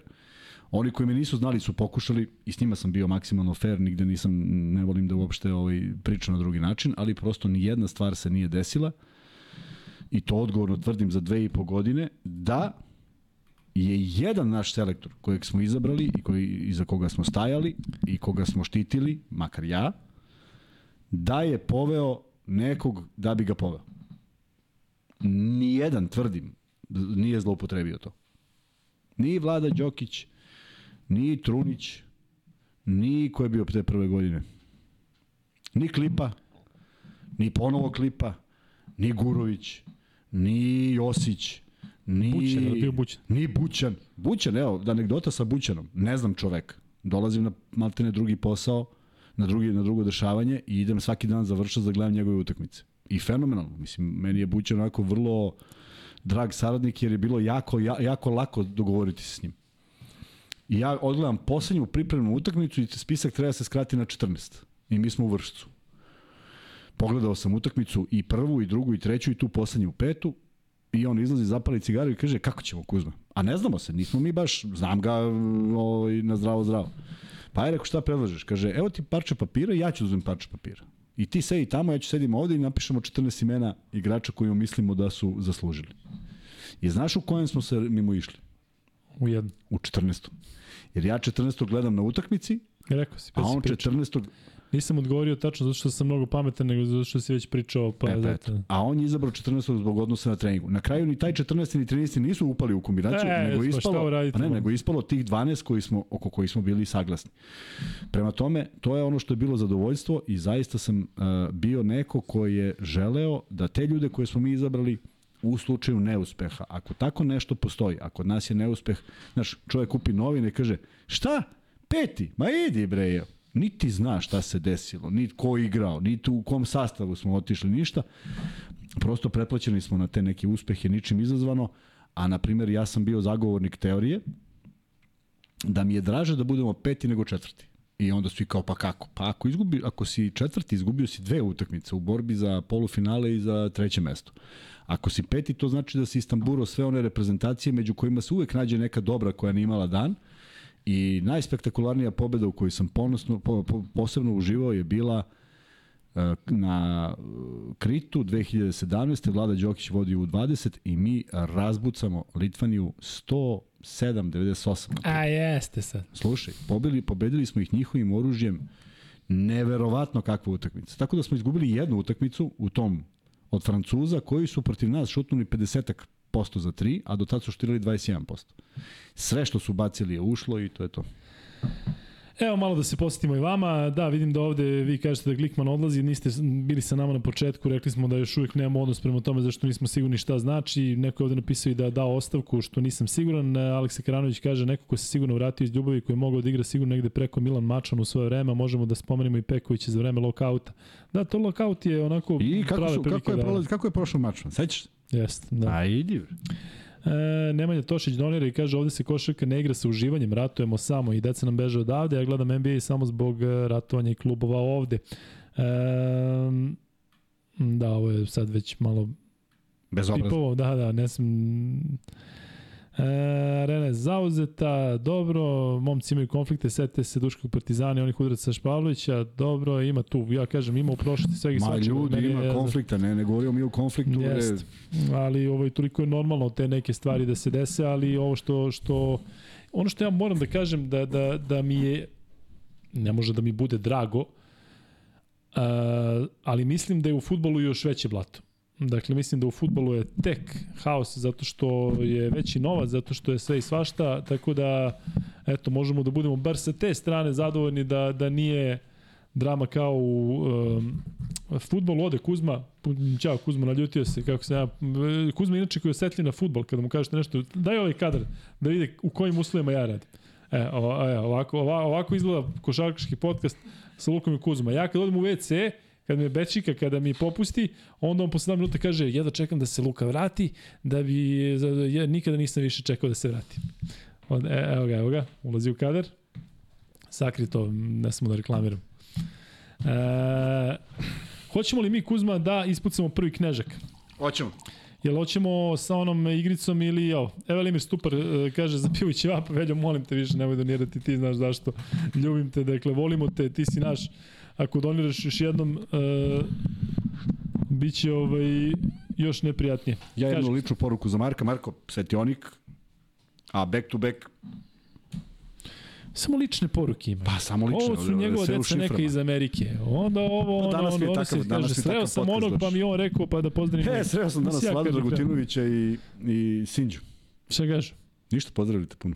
Hvala, pozdravite njih. e, Kuzma, hoćemo, šta smo rekli, hoćeš da prvi knežak za dvoje bude Prvi knežar za dvoje. Šta? ono pitanja A, na, treba da kažemo šta ću. Pa samo da pošlješ tamo. Uh, sve ja moram. Jel imaš, e, jel stari telefon ili novi? Pa ne, ne, ovo je sad... Će da pokri. Ajde prvi knežak dok ti smisliš, pa ćemo odmah da, da ispucamo i drugi knežak. E, dakle, prvi knežak će da bude, malo ćemo da se igramo asocijacija. Dakle, Ajde. da ne bude da... Volim tu, tu, tu igru. Ali tebi se neće dopasti zato što je NBA u pitanju. A, E, a zato i volim.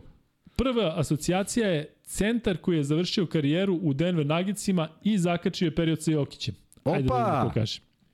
To je prva asocijacija, pa da vidimo da li će moći. E, pita Bone 10, pa ko je Blato da objasnim Luka? Burazor, mi smo u Blatu svi, uopšte ne govorimo sada o Zvezdi i Partizanu. Evo sada da ste sklone svi ti koje ti pominješ i misliš da su ovi loši. Misliš da bi nam kao bilo bolje. Ne, nego bi to Blato trebalo i dalje, zašto smo jednostavno takvi i dele nas i političari i stranci i ovi i oni, da ne ulazimo sada previše u, u analizu. E, Milko Bjelica, nije. Blades, Milko Blades. Anthony, nije. Kenneth Farid, nije. Kenneth Farid, nije. Birdman, nije. Kenneth Farid je igrao, bre, ljudi, posle nije završio karijeru. JJ Hickson nije. Hoćemo drugu onda asocijaciju. Druga asocijacija je da je igrao i u Charlotte Hornetsima tadašnjim. Farid, Nirkić, nije, Chandler, Megi, dakle ovaj na koji ja mislim nije. Nemanja Ančulov među vremenu u sred ovoga ovaj, donira. E, e, pravo, sad ćemo se baviti time, e, odgovorit ću ti samo da vidimo šta je. Megi Kazans nije, nije, nije, Farid nije. E, morat će i treća asocijacija, ajde nek bude još ovo. Dvostruki All-Star. Nije Kenneth Farid, ljudi, nemojte molim vas više staviti Farida. Đuro Ostojić takođe nije. Wilson Chandler. Ne, nije Wilson Chandler. Mnogi su zaboravili na to da je završio u, u Denveru uh, i sada kada budem uh, rekao uh, uh, ovu asocijaciju, onda će biti svima jasno. Najbolji deo svoje karijere i najuspešnije je imao u tih 7 godina, čini mi se, u ekipi Indiana Pacers. Vladimir Tica. Centar, ljudi, centar. Nije Okafor, nije Dijac. U kako je interesantno, znaš kako rok? Ko rok? Rokaju svi sa svih strana. Promaći, promaći će mi neko pa će posle da kaže, e, rekao sam. Ljudi, da je moguće da niko ne zna. Sedam godina igrao čovjek u uh, Indijani, posle toga prešao. Roy Hibert, Zoran Rajlić. Je li bio Hibert ranije? Nije, a? Odlično. E, Zoki, šalješ na, u stvari ne šalješ, nego ideš u Knežak, e, šalješ na lukajkuzme.gmail.com da si dobio Knežak za dvoje i e, onda ideš posle na ćevape i na klopu i na pićence i već kako to ide. Kuzma, Hmm? ajde, sad ti. Doćemo drugi Knežak. Evo ga. Malo je teže, ali potrudite se. Da ukucaju. Dakle, drugi Knežak e, će biti određen tako što ćete sada videti koja je zagonetla ličnost na Da. engleskom. Ko je, ko je taj? Jeste dobili poruku? Sada će naši dragi saradnici, misteriozni, kao Joe i obično, Fred. Da. Oni će upisati ko i šta je. A mi čekamo. A dok čekamo, Vi udarite like zato što kad dođemo do 500 lajka idemo na free bet max bet. Kuzma imaš nešto da kažemo o KLS ABA ligi? ja se iskreno nadam da će to da legne. Uz, Koliko se ja nadam, Znaš, ništa. sad je pitanje ko će da popusti, da li će neko hteti da popusti i tako dalje, ali sve to nekako kako bih ti rekao, stavlja, stavlja sve ono čemu smo se nadali i uh, ajde da pričamo, ajde da pričamo o neobojenim navijačima. Ne ono samo je Partizan dobar, ne samo Zvezda je dobar, nego da pričamo o onome šta smo gledali ove sezone. Znači ljudi koji vole košarku i ljudi koji su posvećeni košarci zaista su imali šta da gledaju.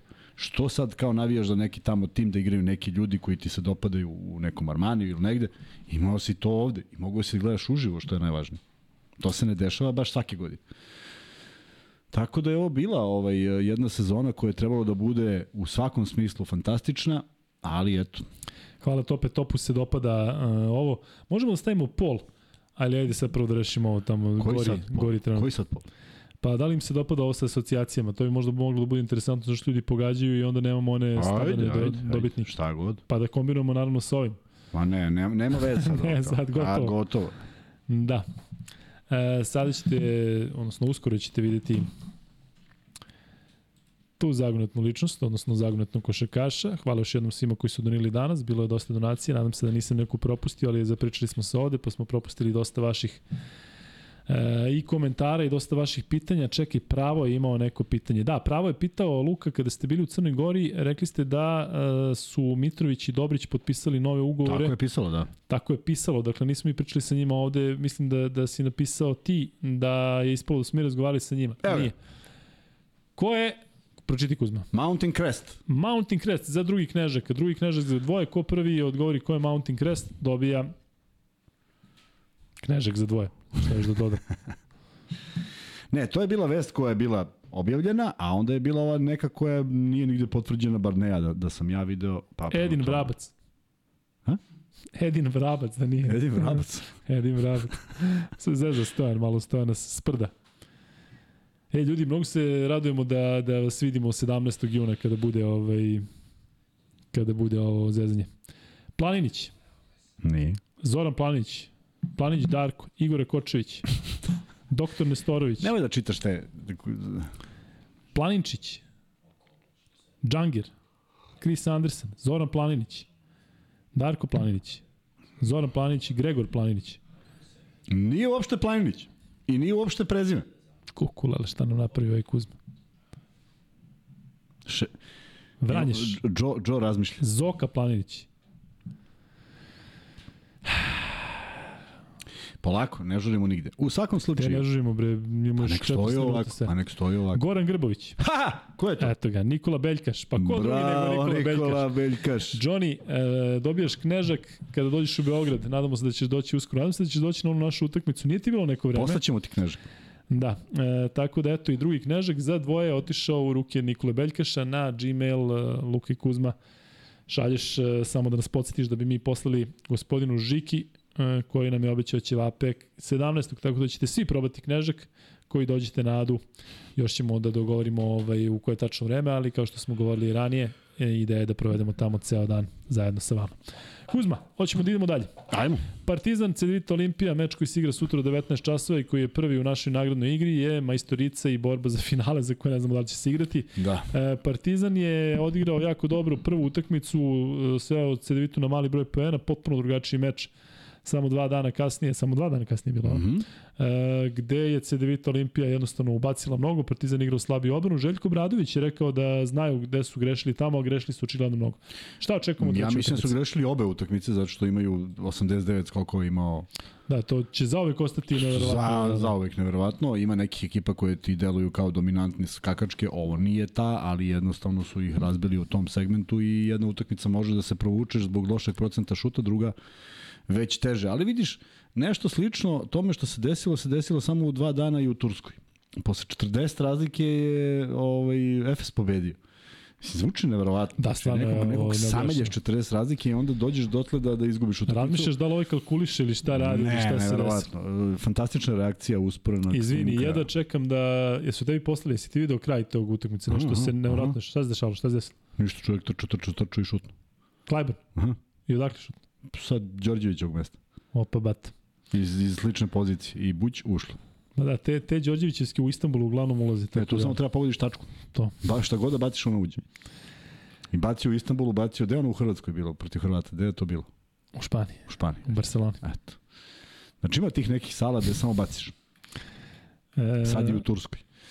I ovaj i eto desi se takav takav takav promen, takva promena se desi da jedna Promen, neki promen, takav promen se desi da prosto neverovatno da je da ne da su se izvukli nego su pobedili utakmicu, napravili break, naravno da je nervozan ovaj Tudis koji je prilično burno reagovao, videćeš fantastičan usporeni snimak, Kajmak nam je poslao.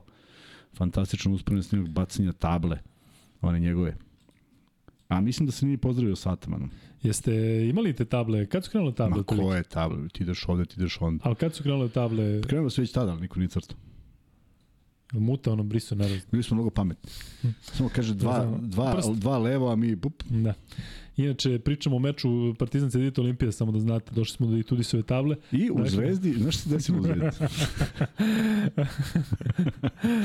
Dakle, e, Partizan Cedita Olimpija je duel koji bi morao da popuni e, tribine arene, e, zato što je najvažnija utakmica Partizana ove sezone da se ono što se dešavalo sa Realom stavimo... E, znam, da ti kažem, i, i mislim, ne, ne, ne znam, ali mi deluje da i Partizanovi navijači ima malo onako pun kufer svega. Zašto? Zato što posle one prve utakmice koja je delovala prilično dobro, ok, zanemariš taj skok, taj skok, ti opet, opet odu neki navijači da navijaju i da pozdrave i ti doživiš onakav poraz da, da ja mislim da je moglo da traje koliko god hoćeš, Partizan ne bi bio. Pa za ne treba da se tek sad bude uz ekipu Oni treba, ne, ne, slažem se, ali svi čekaju, svi čekaju povratak na ono. Zato što se pa nekim dobro. ambicijama treba da čekaš i finale potencijalno. Tempira se forma A, za zvezdu. Za... Ako je tako, onda je to odličan paklen plan. Ja nemam ništa protiv. Ljudi, malo da prođemo ove igrače, dakle Alen Omić, prosto neverovatno, pratio sam bukvalno samo njega jedno vreme da vidim kako se postavlja, on je dečko toliko jak u nogama i toliko, Jest, toliko je kombinacija, da nisko je uvijek na tako je. jeste, i toliko ga je teško pomeriti, dakle u jednom trenutku s egzom našao pored njega i nešto da ga, da ga kao da ga povučemo, kako je čovjek stabilan. E, videli ste koliko on u stvari nije ni skočan, koliko nije ni brz. Međutim, e, dečko zaista ovaj, radi sjajan posao. Trojke Marka Jeremića m, je nešto što ćemo sutra sigurno videti. On je m, neko ko zna da šutne 7, 8, 9, 10 u zavisnosti da li ga ide. E, Jogi Ferrell će naravno biti verovatno najveća opasnost, ali pokazalo se da ovaj mali Matic Rebec ima e, ima košarkaškog šlifa i da jako, jako dobro zna da prepozna e, kada pukne odbrana, tako da biće interesantno gledati i njega. E, ono što mislim da je da je jako dobro, to je da je Partizan imao dovoljno vremena da spremi ovu utakmicu. To nije bio slučaj pred e, onu seriju protiv studentskog centra, dakle ova pauza koja je tolika kolika jeste, sigurno da je da je Partizanu poslužila za to da isprave svoje greške i da malo upoznaju neki igrače. Ne verujem da su da su neki igrači Partizana ranije mnogo slušali o Roku Radoviću i o svim ovima, ali Begović je neko koji je ove sezone jako dobar, dakle on je prošle sezone e, u Virtusu stvarno bio pretprošle sezone u Virtusu ili kad je već igrao, ali pamtim ga da je u Virtusu da zaista nije imao u nekim situacijama i sreće, potpuno nesiguran. Dešavalo se da na šutu za tri pojena kada je sam, da to budu baš loši šutevi, pored nekada i airbolovi. Ovde je pronašao svoje mesto, svoju ekipu, tako da može da bude vrlo opasan po Partizan. E, neko ko poput Tomića uvek ide na ofanzivni skok, tako da i njega treba paziti i bit će mi interesantno zaista da vidim kakav će odnos skokova biti e, u sutrašnjoj utakmici i da li će to biti neki bitan faktor za, za pobedu. Što se tiče Partizana, e, nadamo se da se svi zdravi, što se tiče Aleksa, naravno neće igrati, ali eto da se nadamo da će barem u nekom trenutku završiti sezone da se pojavi kao što ga se nadam da se pojaviti u podcastu. Da. e, ja bih iskreno volao da vidim uh, Zeka Ledeja u um, bar približno onom ritmu u kojem je bio u većem delu sezone, očigledno da i kod njega kriza kao i kod Lesora. Madar je neko ko ima onako čini mi se malo više odgovornosti nego ranije i ja da budem iskren očekujem da sutra uh, u majstorici bude sličan odnos snaga, to se nadam, verovatno ima malo i navijački, malo je subjektivno, ali nadam se da će biti sličan odnos snaga kao i u meču trećem četvrt finala protiv studentskog centra kada je Partizan onako bio na onom nivou na kojem ga pamtimo iz završnice Euroligi. Ferel ima jednu interesantnu izjavu, a to je da oni dalje sanjaju, nemaju šta da izgube i to jeste uvek nekako olakšavajuća okolnost kad dolažiš, a nemaš šta da izgubiš, što je u slučaju Cedevita Olimpije potpuno tačno. Objasni nam Kuzma igrački kako to izgleda kada recimo igrate protiv Panatrikusa gde vi znate da su oni kvalitetni i da nemate šta da izgubite. Šta je onda vaš, uh, kojom linijom idete? Šta se šta se dešava? Dakle ti znaš da da su oni ipak kvalitetni, mi smo tako to, tamo mi su smo Rebrača, konkretno, da, mi smo to konkretno prvo poluvreme vodili. Jer smo odigrali baš baš kako treba. I ovaj jer si jer si shvatio da je to jedini momenat da ga nagaziš. Lakše će biti u Podgorici svakako ako se ti vratiš. I onda smo odigrali vrlo fokusirano i uvodili ih na neki način u nervozu. I da nismo promašali sami u kontri nekoliko zicera potpuno čistih. Potpuno, ali baš potpuno, potpuno. Ja mislim da su utakmice završile 3 ili 5 poena, tako nešto, pre svega nekim na, našim greškama. Govoriš o petoj utakmici. O prvoj, o prvoj, O prvoj. utakmici, da. Mi drugu dobijamo tri se igralo, nije pet, samo tri. Da, da. I treću nismo imali šanse, Kataš je odradio taj deo posla, međutim radilo se u jednoj ekipi gde, gde sad ti dolaziš sa onom idejom, nisam uspeo u prvoj. Međutim, šta se desilo u ovom konkretnom slučaju? Oni su nadskakali Partizan i bili su ljuti na sebe što su šutirali tako loše, onda su šutirali dobro i pobedili. I oni imaju jednu jedinu ideju, nadskakati Partizan. Dobro, ali u prvom meču to nije, nije dalo rezultat. Ali nadskakati ga, to je neki preduslov. Jer su, Da. jer su ovde imali loš šut, ovde su imali dobar šut. Ali su, ta, to je zajednički menitelj. Ta, to da je bilo više skokova. Ako to Partizan ne zatvori, bit će u problemu. A, naročito kad jedna ekipa igra rasterećeno, a stvarno nema šta da izgubi. Međutim, a, da je u bilom kom momentu odigrana ova treća utakmica, ja mislim da bi Cedita Olimpija bila još, aj kažem, ne veći favorit, nego još bliže tom nekom procentu ovaj, u odnosu snaga. Zato što je to onda njihova euforija. Ovako sedam dana hlađenja i dve utakmice između, jel bilo dve, protiv Heliosa. Da. Znaš, potpuno malo odvuče fokus. Tako da, ovaj, To dobro ili loše? Možda se izvuče pa nešto loše dobro iz za toga. Cedevitu. Ali u smislu ono, malo još se uigraš, igraš protiv ekipe koja, koja onako Ali, ali vratiš. svakako loše, nemaš tu energiju. Igru si sad dve utakmice pa je išlo ovako ili onako, Partizan je pauzirao, ništa nije radio. Mogli su da se spreme i mislim da jesu spremni i da neće dozvoliti upravo ovo o čemu pričam, jer ako dozvole, bit će problema. Ali znajući Obradović ima da izrotira šta god treba da se taj reket zatvori i da ne bude toliko skokova, jer je samo srećna okolnost da od 27 u napadu u prvoj utakmici nisu vratili više od 5-6 u koš. Da, ja mislim da je jako bitno da ne bude nervoza u Durani što se tiče navijača. Znamo svi da je odlučujuća utakmica. Partizan e, ima nekoliko tih odlučujućih mečeva koji nisu išli baš u dobrom pravcu. Znamo da su bile tri meč lopte protiv, odnosno tri, lop, tri meča za prolaz protiv Reala. Znamo šta se desilo prošle godine protiv e, Burse. E, Znamo koliko je bilo pipovo protiv studentskog centra u Podgorici, tako da nadam se da neće biti nervozi, nadam se da će ovi igrači od kojih se najviše očekuje da nagaze, meni je nekako Egzum prvi na koga pomislim, neko ko je možda ove sezone, Kuzme se slažemo, i najmanje oscilirao od svih u Partizanu. Apsolutno. On je neko ko igra standardno, čak i kad ne dajete poene koje, ne znam ni koje, u kom procentu i treba da ih daje, ali prosto nekako najsigurniji, pa čak i može da se puzdaš u njega i kad ne ide, da će odraditi ono što je zamišljeno sa klupe, ali ovaj, e, e, i u mnogo čemu e, u mnogo čemu poseban. Sad ću ti reći, ne postoji ni jedan, ni jedan moment gde on nešto dizao publiku negativno, unosio se nekom u lice, nije, ne, ne postoji moment u kojem nije, teo da spreči sukob, ne postoji moment u kojem reaguje više nego što treba. Onako jedan pravi sportsmen i zaista mi onako zadovoljstvo da ga gledam sa svim njegovim stvarima koje, nam, koje su nam poznate, on ih ipak, a on ih ipak uradi na terenu, što govori o jednoj posvećenosti, o jednoj mentalnoj snazi pre svega, mislim da bi on mogao takođe, bez obzira što ima godina, ne, ne nešto da ne, nije nešto nepromenjivo, da unapredi svoju igru i mislim da mu je možda ova sezona u odnosu na prošlu u Barceloni malo je reći za nijansu bolja. Mislim da je, da je, da je ozbiljno bolje, da je on stekao samopouzdanje i da Naravno, ovaj, postoji opcija, danas je nešto pisalo da mu je ponuđen i njemu, i Panteru, i Ledeju, i svima su ponuđeni da se novi Da, da pregovara. Pa da, da. vidim.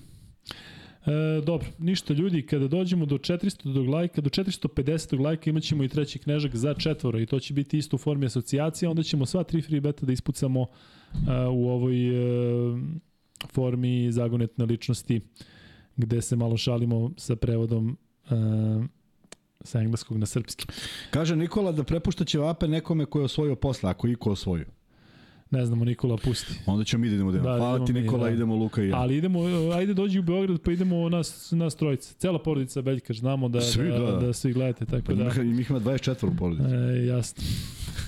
Svako po ćevap, znaš, svako dobije po ćevap i... Ali znaš kakav ćevap? I deli se jedna kokiška.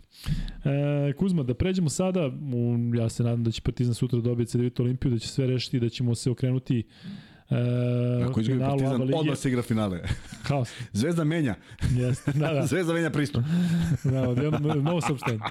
Kuzma, e, KLS, Mega FMP, polufinale KLS, to je tek, to je Mega tek. FMP, FMP dobije. Šta to je, to je tek, tek? Ma, to je tek produžetak sezone koji nema mnogo smisla. Ti uvrštavaš Zvezdu koja sad zbog situacije otkazivanja Partizana čeka ta dva kluba kao prvi finalista. Pa ček, čoveče, mislim, Pa što tako bre Kuzma bre, sve negativno. Pa zato što vidiš kako je pa, dobro. Vidi, zašto, Mega, Mega FMP su odigrali 15 mečeva ove sezone, e, možda nešto dobro. Pazi, a čak e, čak ne ni Mega. I Mega igrali isto takmičenje što i Zvezda.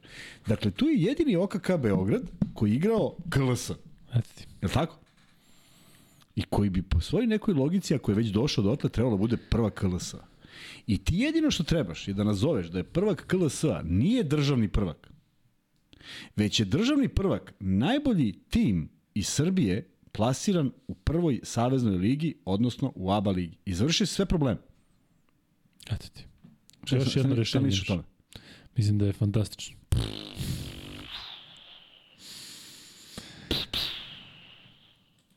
A? Šta misliš o tome? Mm, I OKK Beograd je osvajač KLS. Ne državni prvak. I šta onda s tim radi? Ništa, oni su znači da bili... podignu trofej i Tako je, oni su, sezonu i... Pa ne može biti državni prvak. Ne može kad ne igra u Spartitu. Ali šta mu donosi igra... to? Govorimo o tome da KLS ne donosi nikom ništa. Šta donosi OK Beogradu? Trofej, mesto u... trofej, mesto, trofej. mesto u vitrinama. Ovde, kod, kod preko put tebe. Tu ubace taj peharčić i kažu vidi šta smo napravili ove sezone. Jer samo jedan tim je dobio pehar. Znači, bili su najbolji od svih timova koji su učestvovali u KLS-u. Zvezda nije učestvovala u KLS-u. Ni jednom jedinom utakmicom Zvezda nije učestvovala u KLS-u. Partizan još manje. Iz ovog našeg podcasta Kuzma neko Mnogi ko prvi posluša, ne, ali ne ideje, nego ništa ne valja. Znači, apsolutno pa, ništa ne valja. Pa, Mi, ćemo da pričamo o fibrim prozorima, to je nešto tu, što baš funkcioniše. Što je to tema, je. I zato ja volim NBA. Lepo, znaš, bre, šta, izađe Barkley, sprda se tamo i ćao zdravo. Zato što je to ustrojeno kako je ustrojeno. Pravila se znaju, pravila se poštuju i tu je kraj. Kuzma, traže da pomeneš Darka Rusa. Reci nešto već peto, petoro njih, kao Kuzma nisi pomenuo Darka Rusa. Nisam dugo. E, da, BFC ne pominješ već neko vreme, to je ono prilično zabrinjavajuće, ali nešto na toj pa, relaciji. Ja ikad uopšte pričao o tome. Da, to puklo je, ne, da, ne, ne posle, posle toliko godina. Ispucao sam mnogo anegdota. Ja ću da se vratim malo na ovu utakmicu koju Kuzma izbegava da prokomentarišemo između Megi i FNP-a, vrlo neizvesna završnica, FNP bolji u završnici. Ono što se meni dopalo to je što je ovaj mali Bogoljub Marković dobio neki 20 minuta, do duše videlo se da dečkić ovaj, fizički treba još mnogo da napreduje. U svakom slučaju Mega u jednoj kombina, kombinovanoj varijanti, ali bilo je tu igrača koji su, koji su zanimljivi što se tiče FNP-a. E, Ognjen Matović je odigrao vrlo dobro sa klupe, ušao jednu dobru seriju i čini mi se da je možda i najzaslužniji za ovu pobedu. E, Kuzma, budi čovjek, pa reci šta očekujemo drugog meča, koji se igra u Železniku, ne znaš kada? Ne. Igra se u sredu u 18 časova. Čemo da ima gledamo to? Hm? Hoćemo. Kad si rekao? Sreda 18 časova, verovatno Kuzma i ja dolazimo u dvoranu Železniku. Tamo se igra, tako? Nema gde drugo da se igra. Češ da ideš na Železnik Mega? U železnik? Ne mogu daleko. Daleko ti. A u Čačak si hteo. Čačak je sad sat Ma vremena. neverovatno. Čovjek Više neće da gleda. Železnik. Gledamo klince, bre, tamo napravimo ono. Iskreno, žao mi što nisam gledao ni jednu utakmicu, teo sam taj Čačak i hteo sam OKK Beograd. I sve je to prošlo dok si rekao Sve je keks. prošlo. Da, tako da sad nam ostaje samo ova naša utakmica nadi. To je jedino, To biti jedina događaj. utakmica koju će Kuzma prisustvovati. I koji ću e, sa zadovoljstvom voditi i uh, uh, uh, obećavam da ćemo nadmudiriti protivnika. Uh, večitog rivala. Uje. E, 450 like se čeka Opa! kako bismo igrali Već. asocijaciju i onda na 500 ti ispucamo free betove. Kuzma, hoće malo da se pozabavimo i ovim ligama. E, krenuli smo od Turske, onako samo po sebi došlo Fenerbahče Efes, polufinale. Drugo polufinale igraju Turk Telekom i Kršijaka i to je takođe meč koji pogađate u našoj nagradnoj igri pet za odmor, odnosno odlazak na Zlatibor. Definitivno duel koji, koji je onako, imamo nekoliko tih evroligaških duela trenutno po, po silnim ovim Jest, play-offovima, jest. ali ovaj rekao bih da je najzanimljiviji. Koji? E, pa Fenerbahče Efes.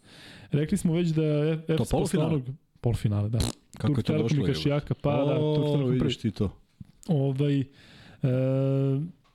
rekli smo da i u jednom i drugom timu, ali pre svega u Efesu, znamo da će biti mnogo promena, pa postoje neki igrači, pa možda i trener koji nemaju ne znam kakav motiv, ali sad ovom pobedom do duše pišete da je zaista bilo neverovatno.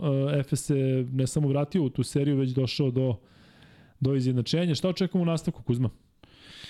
Očekujemo, boga mi, jednu uh, veoma neizvesnu utakmicu, to je seriju, do koliko si igrao? Tri pobjede? Da. Sad je ovaj break posle minus 42, ako je 42, a? 108.66 ili 106.88 ili 38 ili 42. 42, Da. neverovatno. Break, potpuno neverovatno s druge strane, ali to ti ono kao sad smo i dobili 42, sad ćemo mi to lagano.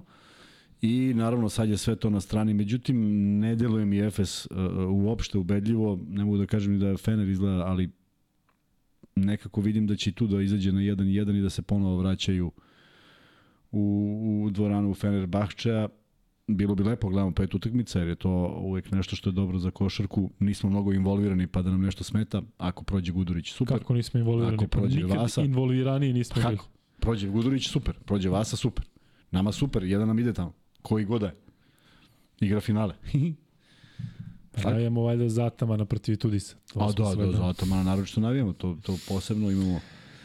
Iskreno da vam kažem, ovaj Motli mi se sve više i više dopada. Dakle, taj dečko toliko racionalno igra, dakle, gledali smo ga cele sezone, mislio sam u jednom trenutku će da padne, bio je povređen jedno mesec dana je odsustvovao, ali zaista je ovaj fenomenalan. Vidim da i mali Tarik dobio šansu, što me takođe raduje i on je i on je bio povređen, vidim da se oslanjaju novog Semeta Gejka malo više ispod koša, tako da sve u svemu zanimljiva serija. Um, dopada mi se i to što što više su malo su se izmenile neke stvari u, u Efesu, pa ima nekih igrača koji sada imaju, čini mi se, mnogo veću slobodu i mnogo veće poverenje trenera, taj Amat Mabaje čini mi se da je da igra možda, možda bolje nego tokom većih dela sezone. Što se tiče Vasa i Gudure, nadamo se da će obojica proći u finale, ako to nije moguće. Što se tiče ove druge polufinalne serije, e, ono što se meni dopada, to je da zaista dva ozbiljna turska trenera vode te ekipe. Dakle, ovde imamo Atamana koji je napravio šta je napravio, imamo i Tudisa koji je doveden u Fenerbahče, ovde John Erdem koji će, kako kažu, možda preuzeti Efes. I imamo u Fuka Saridžu koji je legenda. Si igrao protiv Saridže? Ne. Nikada? Mm. Znaš kada je na BK svoje vremeno mm, bilo prenosa, s koga li on igrao tad, da li igrao Zulker, pa kaže Ufuk Sarica. Zvali smo ga Sarica. Sarica. Pa Sarica, kaže komentator Sarica i mi zvali Sarica. Tako da Sarica ovaj, već godinama u Kršijaki, tamo je ovaj brat um, CJ McCalluma, koji je vrlo interesantan igrač, meni već godinama unazad, igrao je naravno i Euroligu. E, navodno se pominjalo da je interesantan u nekom beogradskom klubu pre dve, tri sezona, ali mislim da nije to taj tip igrača, on to je Amerikanac koji voli loptu rukama i da trpa 30, ali nije na nivou Evrolige, da može tu da bude neka ozbiljna ozbiljna zver. U svakom slučaju, zanimljiva, zanimljiva serija, meni jednako možda čak i kao Fener Efes. Da pređemo malo Kuzma na Španiju, tamo se dešava svašta. Svašta, to je svašta, ludilo. Nemaš pojma ni ko igra, priznam. Igra Valencija Real sigurno Juventus. izgubila, Valencija izgubila od A, u nekoga. na što je ono ličilo, ono je meč protiv Barcelona. Valenciji, dakle, Da. to je takva muka Baš bila za gledanje, da te Barcelona, koja misliš polupana, došla sa Final Fora, I još ponižavanje. Da. To sa Dubljevićem, ono što smo pominjali, izgleda da mnogo utiče na ekipu, da Jest. neko ko je stub tima ide. A kako ne pronađeš bre protiv Barcelone, ne pronađeš neki motiv da grizeš? Ja bih Ne, išao... sve su to neobjašnjive stvari. Eto, to je tvoj komentar na, na špansku ligu. Real Juventud, dakle, polufinale, Kuzma, Neobjašnjivo. Barcelona, Unikaha i Real Juventud. Nekako se podrazumeva da će biti Barcelona, Drago mi je Real. za Juventus, drago mi, je- drago mi je za Unikahu. Juventud koji je prošao Baskoniju 2-0. Jeste, jeste, koji ih je baš onako uh, igrom razbio. Ovaj, a, lepo je vidjeti ta neka, ne mu kažem nova lica, sve su to iskusni igrači koje već dobro poznajemo, ali a, pokazatelj da, da Juventud koji igra u Eurocup nije ekipa koja zaostaje za tim nekim e, ni motivima, ni rezultatima i stvarno bi volao da bude neko iznenađenje. Teško je da će bilo ko, osim Barcelone i Reala, biti prvak, ali ajde da se nadamo, voleo bih da bude tako nešto. Zato što to pokazuje jednu divnu stvar u, u, u, u košarci, da svako može ako zamisli i ako napravi dobar tim i ako napravi dobru hemiju.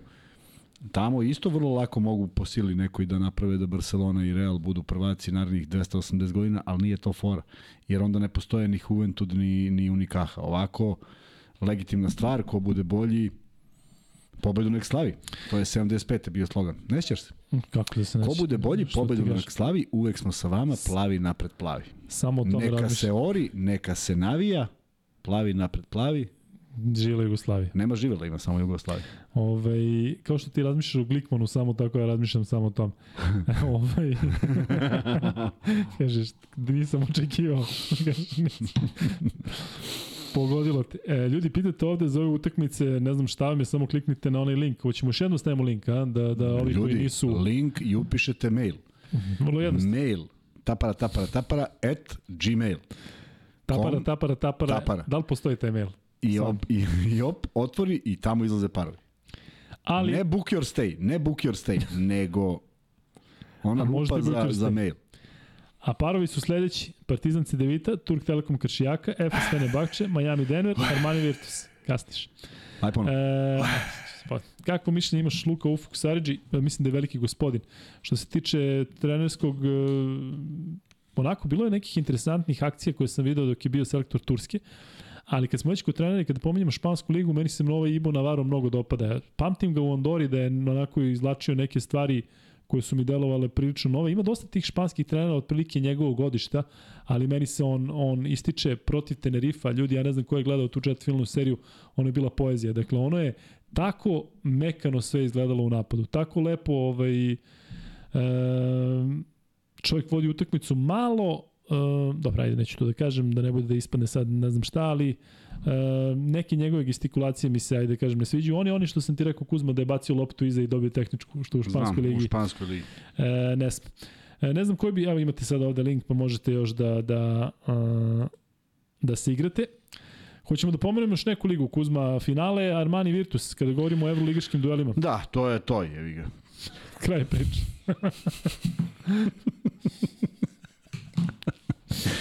To je ono ludilo.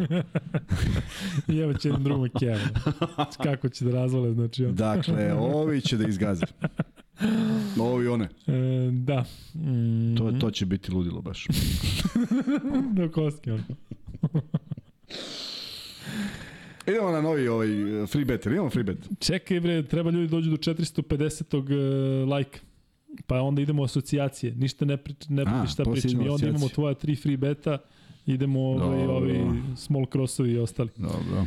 Šta još imamo? Imamo još da kažemo par reči o NBA ligi. Miksa nam je tu negde. Miksa! Ima li ga, a? On spava, a? Šta je, trenira? O, miksa. Ovaj, Miksa. e, nema.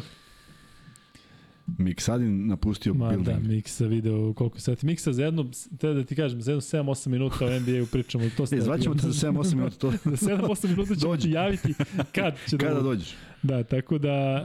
Uh,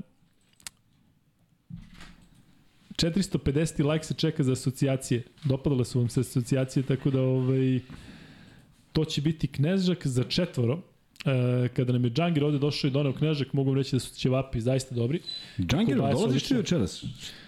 Jel dolazi? Ja ne znam, majke mi.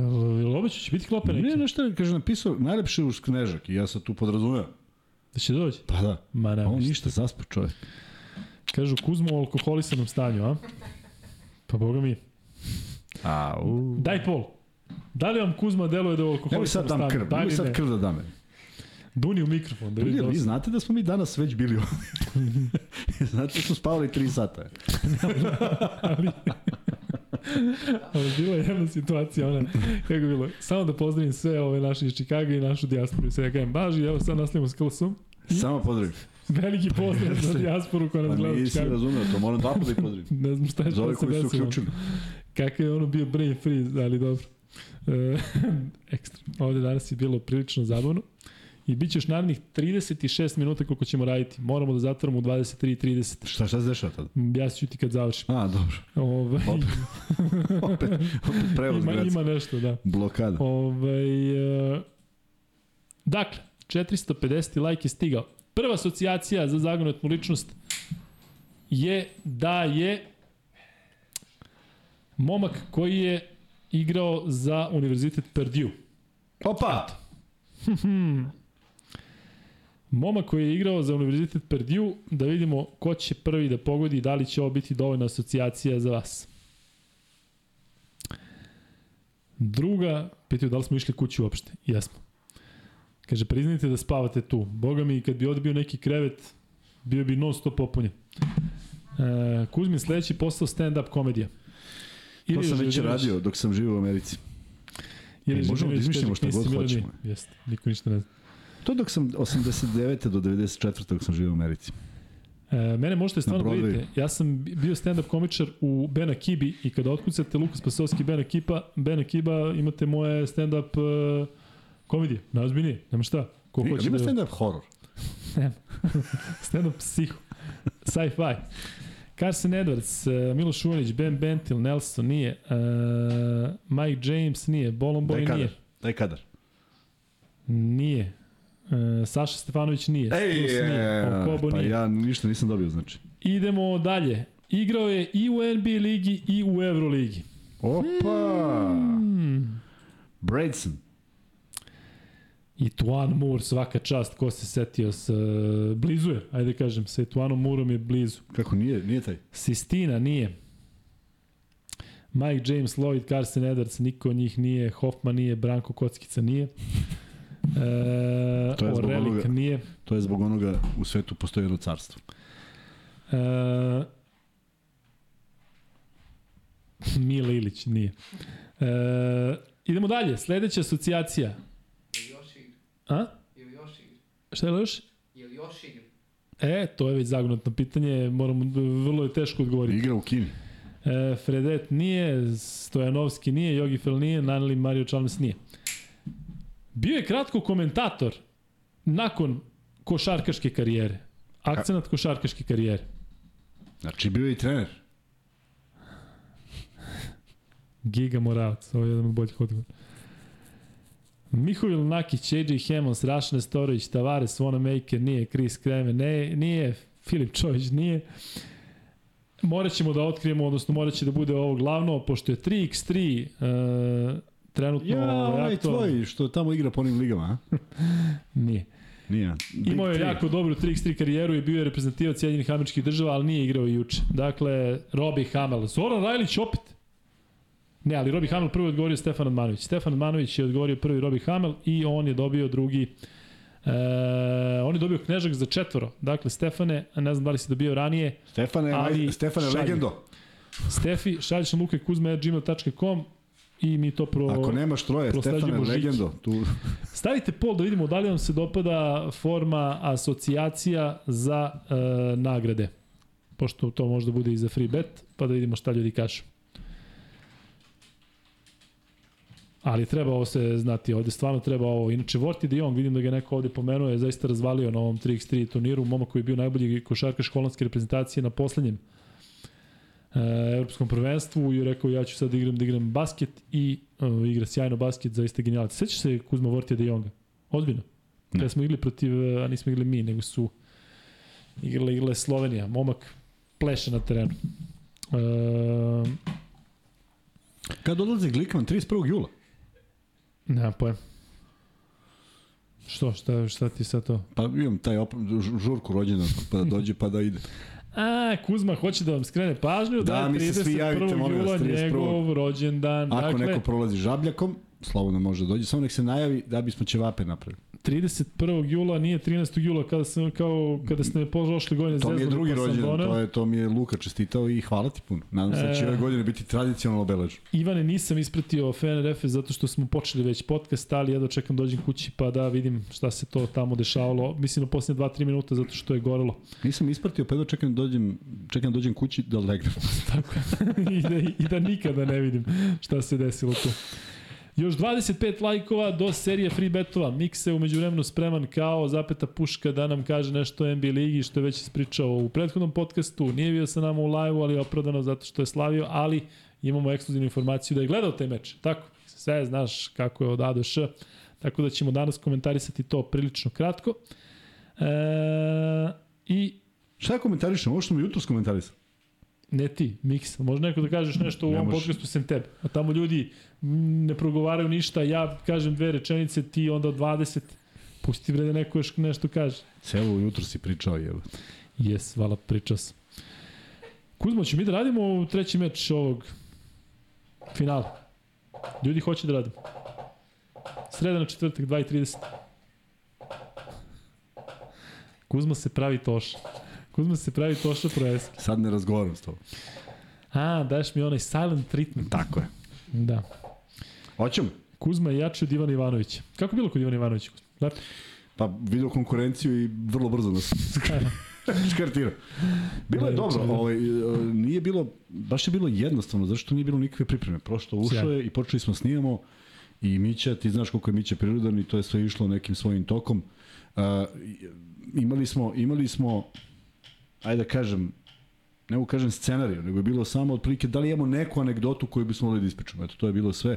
A, Tako da ono što ste gledali, ne ono što ste gledali, to je vrlo spontano. Niko ništa nije tu pred, pred ovaj pravio pa nešto. I nijednom nismo zaustavili da se snima. PFK, dođi na Adu 17. pa ću ti ispričati, to je jedna bizarna paranormalna priča, ovo što ti govoriš, prosto nevjerovatno. E, e, jesi mu rekao, Luka, kako si izmalerisao u trećoj četvrtini, Miami razvalio? Šalim se, naravno.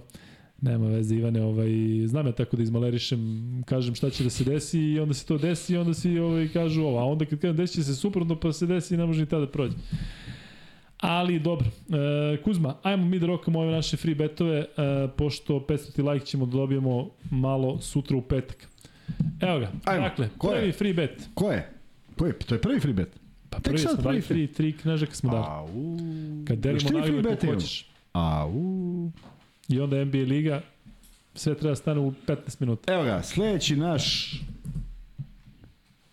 zagonetna ličnost naša. Ovo je uvek, uvek predugo traje. Ovo. Sad ćete se ukupiti. Sad će, evo samo što nije. Umeđu vremenu, ja da kažem da sam jako ponosan na Olivera Stevića, kog inače ne poznajem, ali dečko je u Gran Canaria završio svoju epizodu. Ja mislim da je stariji čak i od mene, koji je promenio toliko klubova, tamo ga obožavaju, osvojio čovjek Eurocup na najlepši mogući način, dao svoj doprinos svakom čast koliko mu traje karijera, tako da Olivere, čestitke i iz ovog našeg ugla.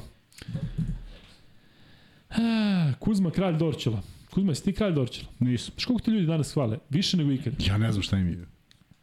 Meni u inet. Mislim, prijavi, znaš, nego ne. Prije mi samo što ne znam. Samo ne znam zašto. Da, ljudi, dajte neka da se, kako ono, nismo dugo zvali da se subscribe-uju i da idu na Instagram, da tamo isto se... No, to ide svojim, to ide super, e. Mi smo na Instagramu, Gorim. gori Instagram. Zapalimo Instagram. Ajde da probamo da dođemo do 23.000 subscribera danas. E, Fali nam 866. e, Šta je to? Ljudi, ja znam da bi mi trebalo da bi trebalo da uh, vas pozivamo na subscribe i na like, ali mi to zaboravimo, a i ponekad nas je blam. Tako da sad će Kuzma to da uradi. Ajde Kuzma uradi. Obavezno. Obavezno se pretplatite. Čekaj, vidim gde je, pa gde mi je nestalo? Kako je Luka košarkašku karijeru imao? Propalo u Burazeru, zašto sam pravio sranje u 22 i Americi? 200 dok sam bio. tačno. 22 i 200 E, tačno je. Majke mi. Ajmo sada na 22 i 300. Ko Da, se nije subscribe-ovao, idemo Ajde. na 22 i 300. Uh, Luka ko radi kratke snimke, one sa Insta, radi ova neka naša ekipa, pričat ćemo o tome, uh, tope kad se vidimo, znaš da imamo ga. tu priču. Ko je Celebrate Small, Small Nettles. Small Nettles, ne vidimo. Evo. Celebrate Small Nettles je naša prva zagonetna ličnost za MaxBet. Ovo Free je Bet. Joe predlog. Joe. Da. A vi sada probajte da pogodite. A što mi ćutimo? Kao sad mi kao iščekujemo da neko napiše odgovor nešto. Slavko. Slavko Malović. Slavko Malović, ko je, ko je to rekao? Dobro, polako, ajde, razmišljajte još malo. Nema odgovor. Mm, Koprivica. Nije. Slavko Malešić. Pa kako nije? Nije. Ko kaže nije? Jeste. Slaviša Koprivica. Pa da li stavili su samo Koprivica? E, pa jebi ga, zato kažem, ko je to rekao, pa da se... Ne vez. Možda bude Jovan Koprivica. Može, ali... Ali pošto je top, dajemo mu preko veze. Top je zaslužio si free bet. Znamo da će sad teže do, dolaziti do, do free betova s obzirom na to da smo sad napravili ovu kamikazu. Hoćemo odmah na drugi free bet. Ajde. Ajde. Ajde, treba još nekog da zadam. Pa nemam tako brzo. Šefe, imaš ti nekog? Ali stvarno gledajte da odgovarate imenom i prezimenom, zato što ako, to je poenta. Da nađem. Da, otvoriti imenu i prezimenom, to i jeste fore. Pa šta, ali imamo, ni, nemamo spremno, ja sam mislio da ima 10, Nemam, 10 nemam, pa u... Daj mi tvoj telefon. Da pogledam galeriju slika danas. Čekaj da ti nađemo ovu ekipu. Evo ti, vrti unazad koliko god ćeš. Kakvo je to poverenje između meni i Kuzmi? Da, da mi svoj telefon, da. ja mu dam. Da. A tamo ima, bato, Da, nema šta nema. da. Sad dok on to pošalje, ajde mi da se bavimo još nekim stvarima uh, koje smo eventualno zaboravili. Dakle, rekao sam da je Oliver Stević uh, neko ko je zaista u Gran Canaria isprećen fantastično. Ono što je mene oduševilo i nema veze sa košakom, to je kada se desio onaj masakr u Ladislav Rivnikar dvorani. To veče Gran Canaria igrala, čini mi se, polufinale Evrokupa i momak je stavio crni flor i rekao koliko ga je potreslo sve to i jako je lepo kada e, ljudi koji su daleko odreaguju tako da bi ovaj da bi jednostavno znali ljudi širom sveta koliko smo u tom trenutku bili i koliko smo i dalje, koliko se sve promenilo od tog 3. maja. E, što se tiče, ajde još malo da se bavimo ovim e, evropskim ligama, samo ne znam kojim, Mm, da li ima neka koja je vama interesantna, znamo da je Bayern ispao u Nemačkoj, znamo da je Alba ispala u Nemačkoj, uh, Kuzma, ali to što su Bayern i Alba toliko, ja kada sam govorio ranije da njih ne interesuje domaći prvenstvo, da je bilo kako ih ne interesuje, pa ne interesuje zato što znaju da igraju Euroligu. Kuzma, ali ima do toga, a? Do čega? da Bayern i Alba ispadnu onako lako u- u da, prvenstvu. prosto, prosto je ekipa Da, da. Pobedio. I eto, to je, to, je, le- to je lepa pobeda košarke. Ovo što se dešava u Španiji, gde vidimo i Juventud i Unikahu, ovo što vidimo u Ulm, koji je došao i do... Jel Ulm, Ulm osvojio ovaj... Je Fibu. osvojio? A, ne, Ulm nego Bon. Bon, bon. Da. To su sad neki snovi tih... Evo. Evo ga, izašao je novi free bet, neočekivano. Nismo očekivali. Pročitaj. Pa ne vidimo od kamere. Ko je free Yellowman Smallmit? Mora sve da se odgovori, ljudi. Tako je. Znači, ne može sad samo... A ovde ima i nadimak. Da. I ovaj, to je lepo za košarku i divna je stvar videti tako neko kad se umuva i, i zamisli koji su to snovi ostvareni i ko je to uh, koja je to poruka da budžet nije sve, koji sigurno imaju veći i Alba i, i Bayern i kao glavni učesnici i izgube tu draž da igraju u domaće prvenstvo. Jer sad svi kao učesnici su pa šta, ovo su trofeji koji se pamte i koji se računaju. Sloboda Žuća Mitić je odgovorio, Boris 995, priznajemo, ali tako? Što da ne priznajem? Ne, moramo da znaš ono kao pred loto, kao da li je kolegijum, da li su ispunjeni svi da uslovi. li, da li su svi ispunjeni? E, Minka. Ovo je komisija, priznaj. To. E, priznato, Borise, svaka čast, ti često dobijaš tako da šalješ na luka i kuzma.gmail.com. Kuzma, prekinuo sam te, kaže da je to pobeda košarke i da ti je drago. Tako je, da. Meni je drago kad se neko tako pojavi, ni od kuda. Bon i Ulm su napravili fantastične stvari do sada. Vidjet ćemo. Ko, ko igra finale? Ko je- Ulm i Bon Ludwigsburg, ne znam šta se tamo dešava, mislim Eto, da je... to je, to je nešto što pokazuje da može. Sad mi možemo kažemo, pa znaš, ta Nemačka nije baš kvalitetna liga. Uvijek nađemo neku manu. Kakva god mana bila, Bayern i Alba su budžetski sigurno ispred, što znači da nije budžet sve i mnogo mi je drago što su uradili to što su uradili, iako mi je veliko iznenađenje odlazak Trinkjerija, nešto je otišao nego što je doživeo da ode, zato što mi je delovao ozbiljnije od ovoga što je napravio u posljednje tri godine. Kuzma, ajde kratko o tome, samo koliko je to za igrače dobro kad imaju sigurnost. Dakle, Nemačka, Australijska, još neke lige su poznate po tome da ćeš dobiti svoj, no, svoj novac i da ćeš ga dobiti u dan. Milina, da. Dakle, jednostavno i onda koliko zaista može da se pot, ono, postiš košarci za, razliku, za razliku od nekih država kao u Grčkoj gde znaš da si došao pa ako ti daju na, na lepe oči daju ti, ako ne tužiš pa ne dobiš ništa. Vidi, volao bi da postoji neko istraživanje koje bi moglo bude sprovedeno. I, na primjer, ovako staviš XY košarkaša onih koji strepe za svaki dinar i onih koji potpišu četvrogodišnji ugovor i zna da šta god radio na tom terenu, on te pare dobije. I iskreno ti kažem, nisam baš siguran da je odgovor da je ovo drugo daleko, daleko, daleko bolje. Jeste lepše, ali može i da ušuška malo čoveka. Izvini, da... Polis 995 je odgovorio Slobodan Žutić Malić. Pa znači ne možemo njega, koga ćemo da stavimo se? Ha? Šta je? Ovde se Kako žali. Žutić Matić? Šta je Žutić Malić? Malić. Nikola Beljkaš je odgovorio Žuća Mitić, on čovjek ne, ne, hoćeš, da, da, hoćemo Nikoli onda damo... Nikoli daj free bet, neka što je odgovorio. Ono je bilo, Ajde. za, ono je bilo za knežak. Slobodan Žutić Malić. dobro poznati košarkaš. Ne, ja sam video, pa sam, mi se učinilo da je, da je dobro. Šta ćemo, momci? Nikola Beljkaš onda dobije. Nikola Beljkaš uzeo danas sve nagrade. E, Mihajlo. ili ćemo Mihajlu Čekanoviću damo, a? Znaš kako ćemo? Daćemo i Nikoli i Mihajlu. Ne, Nikoli daj free bet, a Mihajlu daj knežak. Pa šta ako Nikola Mihajlo a, alergičan na ćevap? Čovjek O, ve, onda, vegan. ćemo, onda ćemo mi dignu. Kad daj Ako Mihajlo... je vegan, ako kažemo se ne javlja. Mihajlo možda živi u Ako je Reykjaviku vegan, i... nek se ne javlja više. da. Kuzma ima svoju teoriju o veganima. Pa ne, kao, koju javio se za čujete ćevape. Ako, ovaj, ono.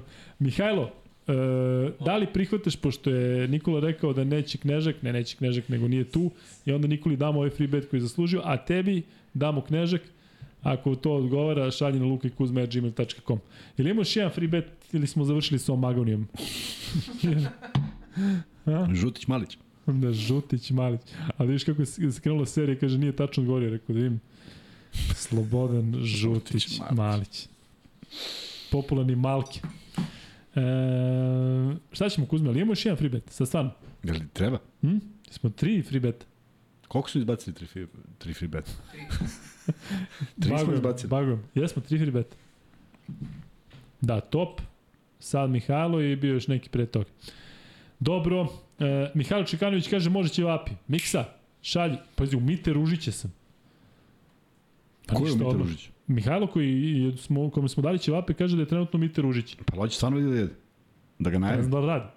Pa ne znam, otkud ja znam. Čikažiko radite, Čikažiko. Ako radite da, da odmah čovjek ladan, možda, možda mu taman došlo ovaj, Čekaj. ekstra. Evo Kaže pitati. Ivanović da su bilo dva free beta. On zna. Ne, ne, kaže ovde sad svi da su bilo dva. Moramo još jedan. Hoćete A- asocijacije, hoćemo asocijacije ili Small Little Christmas i ostalo, Malić. Ali dobra je fora, moramo da smišljamo još na, na, na A grupu. mora, nego ja... se ja posvetio tome, ali Daj, daj onaj, daj onaj, uh, Joe, daj onaj tvoj teški. To je za samo, za sladokusce. onaj old school.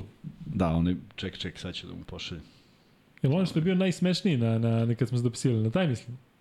Pa, onaj koji nismo znali šta Daj je. kada na Kuzmu.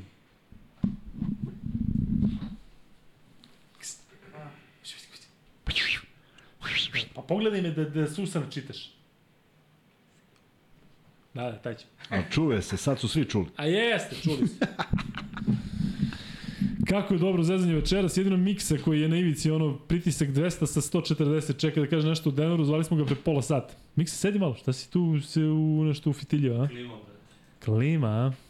Je ladi. Ladi.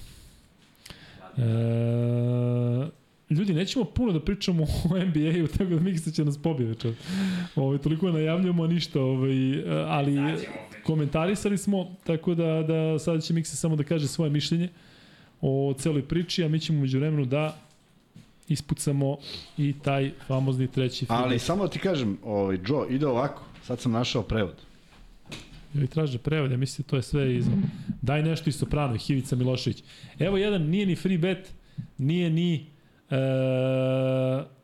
nema nagrada. Samo da vidimo ko kaže. Moj omiljeni lik, jedan od naj, najgorih tamo, ali je fantastičan tip, je Richie April. Kako se zove glumac koji glumi Richie Aprila u drugoj sezoni Sopranosa, a nemojte da idete na internet pa da kucate, nego stvarno ko zna, to je bilo sjajno. Nego zakunite se da niste kucali. Ne, pa da im onda ljudima da im preporuči nešto. Miks, desi, šta ima? Evo me, brate. Kako ide? Kako glumam svadbi? Paklano. Miksa, ti kad si radio uh, NBA ovde, kad smo zaradili zajedno u live-u, Denver dobio. Kada sam radio s Kuzmom, Denver izgubio. Mislim da je to slučaj. Sto, Kao, kada kakav slučaj. Kad sam radio s tom bilo je bolje. Znaš, kod krajnje s ovim ne valja ništa. Da, ne, ovako, bilo je bolje ovo, ali Denver pobedio, tako da on, to je taj kao šatro balans. E, David Proval, Milan Ivanović. David Proval ti je inače dao za Talking Sopranos podcast, e, da viš ko je to car. Koliko god bio onako kao psihopata glumići Richie Aprila i u Mean Streetsu, ima dobru ulogu u, Shawshank Redemption, ali ovaj, ja mislim da je ovde pokidao. I čovjek sad ima 80 kusur godina, mislim da je pri kraju Šta je glumio u. Shawshank Redemption? Pa jedan od onih, e, dakle, Pandura? ne, ne, ne, jedan od e, O, zatvorenika. Zardenika? Ali, ali najneprimećeniji u onoj grupi, dakle ima oni što što ga hvata ovaj Brooks, onda imaš, ne znam, onda da je provalo onako zalizan sa, sad ću ti ga pokažem, sa i tako dalje. se bavim sa Davidom Provalom u Shawshank A Redemption. gde je još Da glumio? objašnjam. Mean Streets. Ove, Evo. Šta, kako se zove njegov, njegov uloga? Miksa, da jeba Kuzma, kao i obično. Kako si video sinoćnu utakmicu? Pa, brate, dobra je bila tekma. Generalno, utakmica kao utakmica. Nije ishod, nije ishod. Pa u odnosu na prvu, mislim, ono, znali smo da će Miami da proradi šuterski, ne mogu da šutiraju onako svaku utakmicu. Odbrana je bila dosta, dosta slabija Denvera u nekoliko navrata i dosta je tu bilo otvorenih šuteva Majamija i dosta šuteva koji možda neko je kasnio, pa onda finta šuta, neko proleti, popije fintu i onda je otvoren šut, apsolutno, za tri poena i samo je bilo pitanje, znaš, kad imaš 50% šuta za tri, teško da može da se izgubi. Ali dobro, Denver je u momentima pokazao opet da može da igra odbranu. I to su bile Koji te, te serije. E pa prva, prva četvrtina Jeste. od Prvu minutu, 10-2, u prvu pa su ih okrenuli. I malo u treći. I, i da. ali četvrta četvrtina je bila pakao, 36 pojena su primili. Jeste. Jimmy Butler, faktor Jimmy Butlera, kako si vidio njega, Ej Kuzma smo komentarisali tokom meča da je imao zaista neke čudne poteze, ali na kraju kada je trebalo da, da preuzme lidersku palicu, to je učinio. E, meni je delo da je on malo umoran, a? Da, Vama? da. Pa ne, Delo je kao da si istrošio ono- dosta i da veruje dosta u saigrače i da su svi skapirali da ne može Jimmy sam i da moraju oni da iznesu i u prvoj tekmi, mislim, bilo otvoreni šuteva u prvoj tekmi. Da. Samo oni nisu mogli da pogode ništa. U ovoj tekmi su pogađali. Mislim i opet Lauri u levo, ona klasika, tere ga u desno, nemoj u levo, u levo, dobro šutira trojke. Jeste, samo da ti šutira iz tog driblinga. Pa da, Vincent, E, ajde malo jako- Gabo Vincent. Pa, Kuzma je juče, juče i Kuzma je prokomentarisao Gabo Vincenta, kaže, ovo je dao 80 poena. A stvarno, malo, malo pa Vincent nakon Da, Pa pazice, ovaj play dečko gura stvarno, Jeste. stvarno igra vrhunski, treba da dobije taj ugovor, mora to je da moje dobije mišljenje. Me zanima koliko će mu poneti. Pa, on je startni play. On je realno, Lauri bi trebalo da bude igrač sa klupe i dobro se nalazi u to, snalazi u toj ulozi, a Vincent je startni play. Dobar šuter za 3 poena, dobro iskreira svoj šut, dobar je na prodoru i solidno igra odbranu. Mislim, sve, sve je bolje od Laurija, tako da su oni baš uboli s njim i trebalo bi da ga produže. Nemaju oni neki pritisak što se kepa tiču, uglavnom su im sve nedraftovani momci koji... Osam ih ima, tako? Nedrastovnih 7 ili 8, da. No. Ali E, ja mislim da će četvoricu Kako da, si šokirao? dosta To Sve- sve ispred. kad- El Mesija kaže Butleru je otac ozbiljno bolestan, moguće da ima i to ovaj, neke ako je tačno, sigurno da ima da utiče na njega, ali ajde Miksa da se vratimo na Denver, odnosno da počnemo sa Denverom, zato što mislim da to ljudima mnogo interesantnije. Ja sam tokom sezone govorio da Jokić mora da ima podršku Mareja i Portera, ali da mora u ovakvim utakmicama da bude neki faktor sa klupe. Juče nije bilo nikoga osim Jokića, on je dao koliko, 41 i 11 ima na kraju. Da. Mari se raspucao malo u završnici, nismo videli možda onu energiju Brusa Brauna sa, klip, sa klupe. Christian Brown jeste dao neki učinak, ali treba, treba još neko pored Jokića. Pa treba. Mislim, ajde da krenemo ovako. Prvo treba defanzivno. Denver defanzivno se hrane. Oni kad god odigraju dobru odbranu, a bilo je, Christian Brown je tri lopte ukrao, odmah Jeste. ide dobro napad. Jamal Murray ukrade loptu, ide kontra. U onom periodu kad su imali 22-5 seriju, četiri trojke su dali iz tranzicije.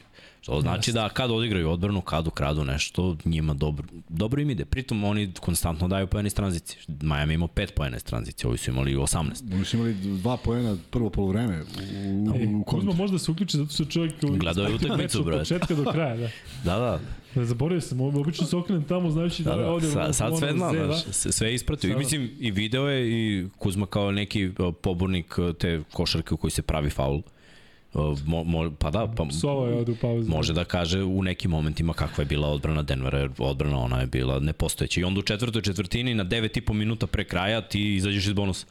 Da. To je tek pakao. Četiri apsolutno. penala u 30 sekundi. Momci, a kako ste videli kad smo već kod bonusa, kako ste videli suđenje Kuzma? Zaista je bilo nekih Pa pa, suludih grešaka. Videli smo jest, kako igrači da. skaču na, Da. na, na gotovo svaku. Kada, kada uh, sudije izgube onako konci kontrolu utakmice, onda naravno da će da bude ovaj, primetbi i sa jedne i sa druge strane, da će da se skače na svaku odluku miksa. Je li bilo problematička odluka juče? Pa bilo je, mislim, pazi, bilo je na obe strane, ali Jeste. bilo je malo više na loših da. na stranu Denvera. A ono što je možda i, i neka stvar koja je jedna odluka koja je mogla da promeni, Melon je sve vreme čekao, ja sve vreme čekam kada će on da ispuca taj challenge. Razumem da neću u prvoj, drugoj, trećoj četvrtini, ali kad dođe u četvrtoj, znaš, onaj floater, onaj lob koji je bio u silaznoj putanji, to ne znam kako to nije, nije se sviralo.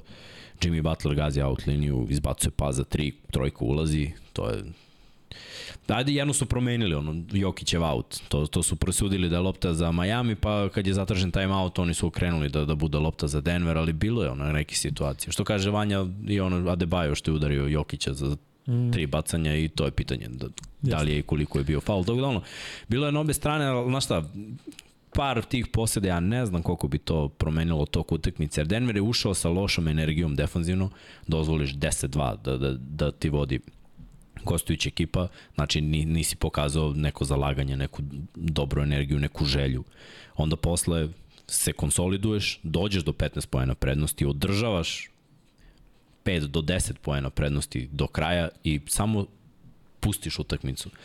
Mogu je Melon možda ranije da saseče timeoutom, on je tražio rotaciju, mislim da lepo si rekao Christian Brown je jedini tu donao neku energiju s klupe, KCP kao veteran ne bi trebalo da pravi prekršaj u šutu za 3 poena, 6 bacanja je napravio na glupost, pritom mu ne ide ofanzivno, a treba mu očigledno da negde vuče energiju, naš kada odigra dobro defanzivno, onda se nagradi šutem. To nije bio slučaj. I ovako on kritikuje kako nema dovoljno šuteva. Michael Porter, ja kad god ga vidim da je u polu naletu, ja znam da ide naskok i šut.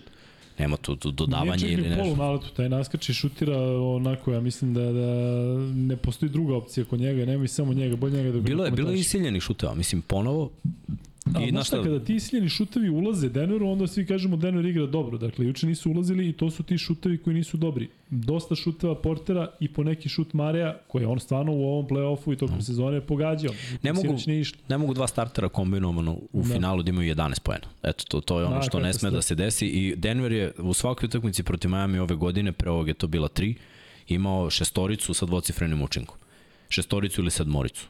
Da. E, to je ta timska igra Denvera kada lopta ide, kada, kada mogu da igraju taj pik sa dva igrača, pa da ako Miami skupi, urade nešto drugo. Iskreno, ovo je ulazak lava, ta petorka druga, ok, razumem, krupniji su bili sve to, ali i to je moglo da se reši nekim utrčavanjima, bilo je tu iza leđa, Gordon dva, tri puta je utrčao lepo, tako da moglo je da se igra i, i kad su Adebayo i Lav na, na terenu. Samo defanzivno, ja mislim, samo da su defanzivno, tri pojena je bilo razlike na kraju. Samo malo da su igrali bolje odbranu. Četiri puta su primili tri poena na različite načine u početku četvrte četvrte. Jeste. I trojka, i faul, i tri slobodna bacanja, i još jedan faul i koš važi. Duncan to je Robinson po, strašno mnogo seriju. poena. Si pomisli na mene kad je Duncan Robinson krenuo. Da, da. kad Finta sam ti šuta rekao- ona kad, kad sam je- ti rekao da će da, da poludi u onoj prvoj utakmici nije Da, da. i evo ga sada on je krenuo u tu seriju. Pa odigrao je okej, nije, nije bilo nešto Da, spektakularno, ali u pravom trenutku, prava stvar. I pritom ono što je unapredio u ovom play-offu, što nije bio slučaj prethodnih godina, taj drive, prodor, u- on je obično uleće i dobija Jeste, loptu u da. trku, ali sad je krenuo i da dribla.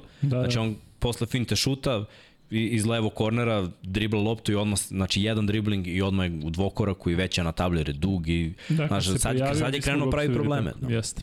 E, Miksa, e, mnogi ovde kritikuju Melona, Kuzma juče govori o tome kako bi Jokić je morao da drži što je više moguće ako treba i 48 Druga minuta. utakmica, nema tu mnogo filozofije. Da. Završavaš prvenstvo ovde. Sa sve minusom od 2-2 u nekom eventualnom tamo, ti opet imaš prednost domaćeg terena i ovo su utakmice koje moraju da se pobede Luka na kad taj način. pričao o Majku Melonu, to sada jednom si Mike Melon, ali Miksa, ajde Nije da kažem meni, samo... nije, nije mi toliki krivac Melon. Na, ok, ima, naravno, ima tu I te, taktičkih, i Jokić. ima, ima, takti, ima taktičkih zamerki, naravno, mi svako možemo nađemo kad Ma izgubi da taktičku je zamerku. Jednostavno imaš ti Jokića, drži ga na terenu. Kraj prič. Nema tu sad mnogo sad taktike ili Kapiram. svega. Ovaj ti pokriva toliko u odbrani. Ljudi često govore o nekim propustima defanzivno Jokića, ali u napadu bez njega, vidio se druga četvrtina je jednostavno sve išlo kao da Jokić bio na klupi. To može se desi jednom u nekoliko Da, da. mečeva. I kraj prič. Sve stoji, mada pazi, ne znam koliko mogu da krivim trenera zato što igrači nisu dovoljno motivisani da, da igraju u, NBA finalu, na, da, da izginu kao što je Christian Brown. Bre, pa valjda on treba da ih motiviše, a? Pa on treba da im, gledaj, ti meni da kažeš, ja ću da prihvatim tvoj savet, ali u meni mora da postoji Naravno, neka iskra, neka želja, nešto da ja doprinesem. Nisi Nije on, kod nekih kod nekih nisam video juče, da, a video sam u prvoj tekmi. Pa nisam video kod Portera juniora koji u par situacija, znači ono, on gleda da pomogne na Butleru koji utrčava pod koš, i, i kao da pomogne na čoveku koji je u korneru, ali već ima čovek koji treba da pomogne tamo gde je u korneru i on ostavlja iza sebe 45 stepeni, ono trojku, potpuno otvoreno i znaš ono kad skapira u sekundi, e, zajebo sam. I onda dok on stigne, već je kasno pljas trojka, sledeću odbranu ni ne igra. Ono, iskampuje, onda promaši dva šuta, e onda je u panici. Onda je u fazonu, ja sad ništa ne radim dobro, ni odbranu, ni napad, pritom to je mladi igrač, i igrač koji zarađuje mnogo i igrač koji, sam znaš, pazi, mi ovde kažemo treba Jokiću podrška, On treba ovo. Pa, Polu, polu, da, beli. Uh, Mislim, gledaj. Ražani. da, on, on je malo pao, znaš, vidio sam neku negativnu energiju kod KCP-a koja obično ima drugu energiju. Znaš, videlo se da je on malo isfrustriran. Ovo je drugi faul za trojku kad je napravio, kad je uleteo Lavriju u noge. On je bukvalno bio u fazonu, seo je tamo, drži se za zglob. Ja, Pitam te o NBA-u, ali ne pominji mi ih, molim Da, te. da, dakle, bukvalno sam u fazonu, Kako li. Jokiću, koji sa Marejem i Porterom posebno, koji su toliko nepredvidivi u smislu, toliko ispade, on igra sve košarkaški, sve prirodno. I onda imaš ovu dvojicu koji ne znaš u kom trenutku će da pukne odakle, šta će da uradi. Kuzma, ovo što mi je pokazao snimak, neki screenshot, dakle čovjek se diže na šut sa 5 metara, a četvorica u, u reketu čekaju, razumeš, možda spusti samo loptu dole. Jedno Bilo je- što takvih ima. je- Boga da promaši da se odbije kod njih. Ima, imao E. je par situacija da stvarno ni, mislim da je mogo da naskoči i, i da spusti loptu dole, ali dobro, znaš šta, jebi ga, ne vide svi isto, ne igraju svi isto i svako od njih vidi da mora da uzme svoj broj šuteva i to ono što smo pričali da je, da je najveći problem u principu kada Denver igra loše, mada realno gledano oni su odigrali loše izgubili tri razlike. Što, Da, mu znaš, daje, nije, daje nadu da, da, da, je. kada i, da će doći sve na Pritom, svoje pazi, bilo je 3 minuta pre kraja, 3-4 minuta, 12 razlike. Jeste. Znači, Da. oni su ipak dodali gas, kalkulacija je bila dobra da dođe u poslednjem napadu na jedan posed razlike. Da. Imali su 12-2 seriju. I to ipak govori o, ne, o, nekoj, o nečemu što oni imaju. Znači, oni imaju neki prkos, imaju neki inat. Znali su da zatvori i da omoguće sebi posljednji napad. I taj posljednji napad isto nisam siguran koliko je trebalo da se zove pik i preuzimanje. Možda je bilo bolje da... Nije bilo ja- vremena, nije bilo time outa, morali su smisle šta god Ne, ne, su pa smislili. kapiram ali- zašto nije bilo time outa, da ih uhvatiš nespremno, ali mislim da mo, možda Mari trebao da rešava bez pika uopšte onog prvog da pre, da bude preuzimanje jer možda bi imao nižeg čoveka. Taj šut bi on uzio ovako onako. Da, to, to, to svakako. svi znamo da on To- voli lopta taj od njega. step back i, i da će da ga proba sa 45 stepeni, ali znaš šta, opet govori to nešto dobro i o Denveru. Mislim, ni taj Miami nije nepobedio kod kuće, Boga i taj mi, Miami ne igra ne savršeno. Pa brate, ovo je bilo 48% šuta za 3 poena. To je sad i, i neće biti 3 sledeće utakmice. Sad pričali je- smo i juče, dakle, četvrtak. da, sad je do kraja serije. Momci, ajde da odigramo jednu igricu za kraj. Svako ima 60 sekundi da najavi treću utakmicu. Ko će prvi? Miks, ajde ti. Počelo vreme. 60 sekundi imaš da, da Nisam tvoje razumeo igre. mesto. Daj mi da imam pravila igre. Da. Zašto si se nacirkao? Objasnit ću ti posle. Da, Miami na Floridi prvi put protiv Denvera ove godine nisu toliko ubojiti kao Denver kod kuće. Ako Denver bude igrao svoju igru, oni to mogu da reše u svoju korist, jer smo videli da ni sa ovom startnom petorkom promenjenom, s Polstrinom, ne mogu da reše Jokić. E sad, Jokić sa 40 plus poena u ovom play-offu, Denver 0-3. Tako da nije, nije recept da on ima 40 plus poena, to je individualno vrhunska utakmica, ali trebalo bi da ostatak ekipe odigra dobro, dovoljno da budu dvocifreni, ne moraju da imaju 20 poena, ali ako bi imali između 10 i 15 više igrača da se uključi ovo što si ti rekao, eto Jeff Green je imao 9, kad bi Bruce Brown i kada bi i uh, Porter Junior i KCP, svi kad bi bili dvocifreni, Gordon koji imao 12 poena, to bi već bila druga priča, ali pre svega mora da se igra odbrana. Tačno minut miksa. Kuzma, izvoli, sad ću onda smislim neku foru. Kuzma, tvoj minut kreće, šta očekuješ od meča u sredu? Očekujem da ovaj, vidimo reakciju uh, Miami na domaćem terenu. Ja bih volao da vidim, naravno, Jokića gledam u fantastičnom izdanju, volao bih da vidim Butlera u boljem izdanju. Ne da, da, da, da, da ima bolje brojeve, pošto statistički on nije bio toliko loš, nego neku novu energiju, zato što to donosi finale i valjda zbog toga i gledamo ovo sve, ne zato što gledamo čovjeka koji naskoči na dve noge i baca loptu u, suprotnom pravcu. Ovaj, s druge strane, e, nešto ovo što je Miksa pričao, ta odbrana koja je bila u samo od jednom delu utakmice dobra i koja je stvorila tu razliku, ako Denver želi, mislim da je pre to, pre nego ovih 2-5 puta po 10 poena, pre je to neka defanziva da svi moraju da se posvete tome i mislim da su u tih u toj seriji od 25 nešto oni pomislili da je utakmica gotova, jer zaista je tako izgledalo. I onda kad ti uđeš, kad ti to uđe u glavu da je to možeš stalno, ne možeš stalno i okrenulo se u jednom potpuno kontrasmeru gde prvih dva minuta ono nije bila ekipa koja treba da osvoji prst. Ono što je Denver igrao u prvih dva minuta, Kuzma, probio si vreme. Nikad nećemo saznati šta je nisu igra. mislili da se smrzlo. Kreće moje vreme, ljudi, i ono što mene plaši to je što je e, vokalno mnogo jača e,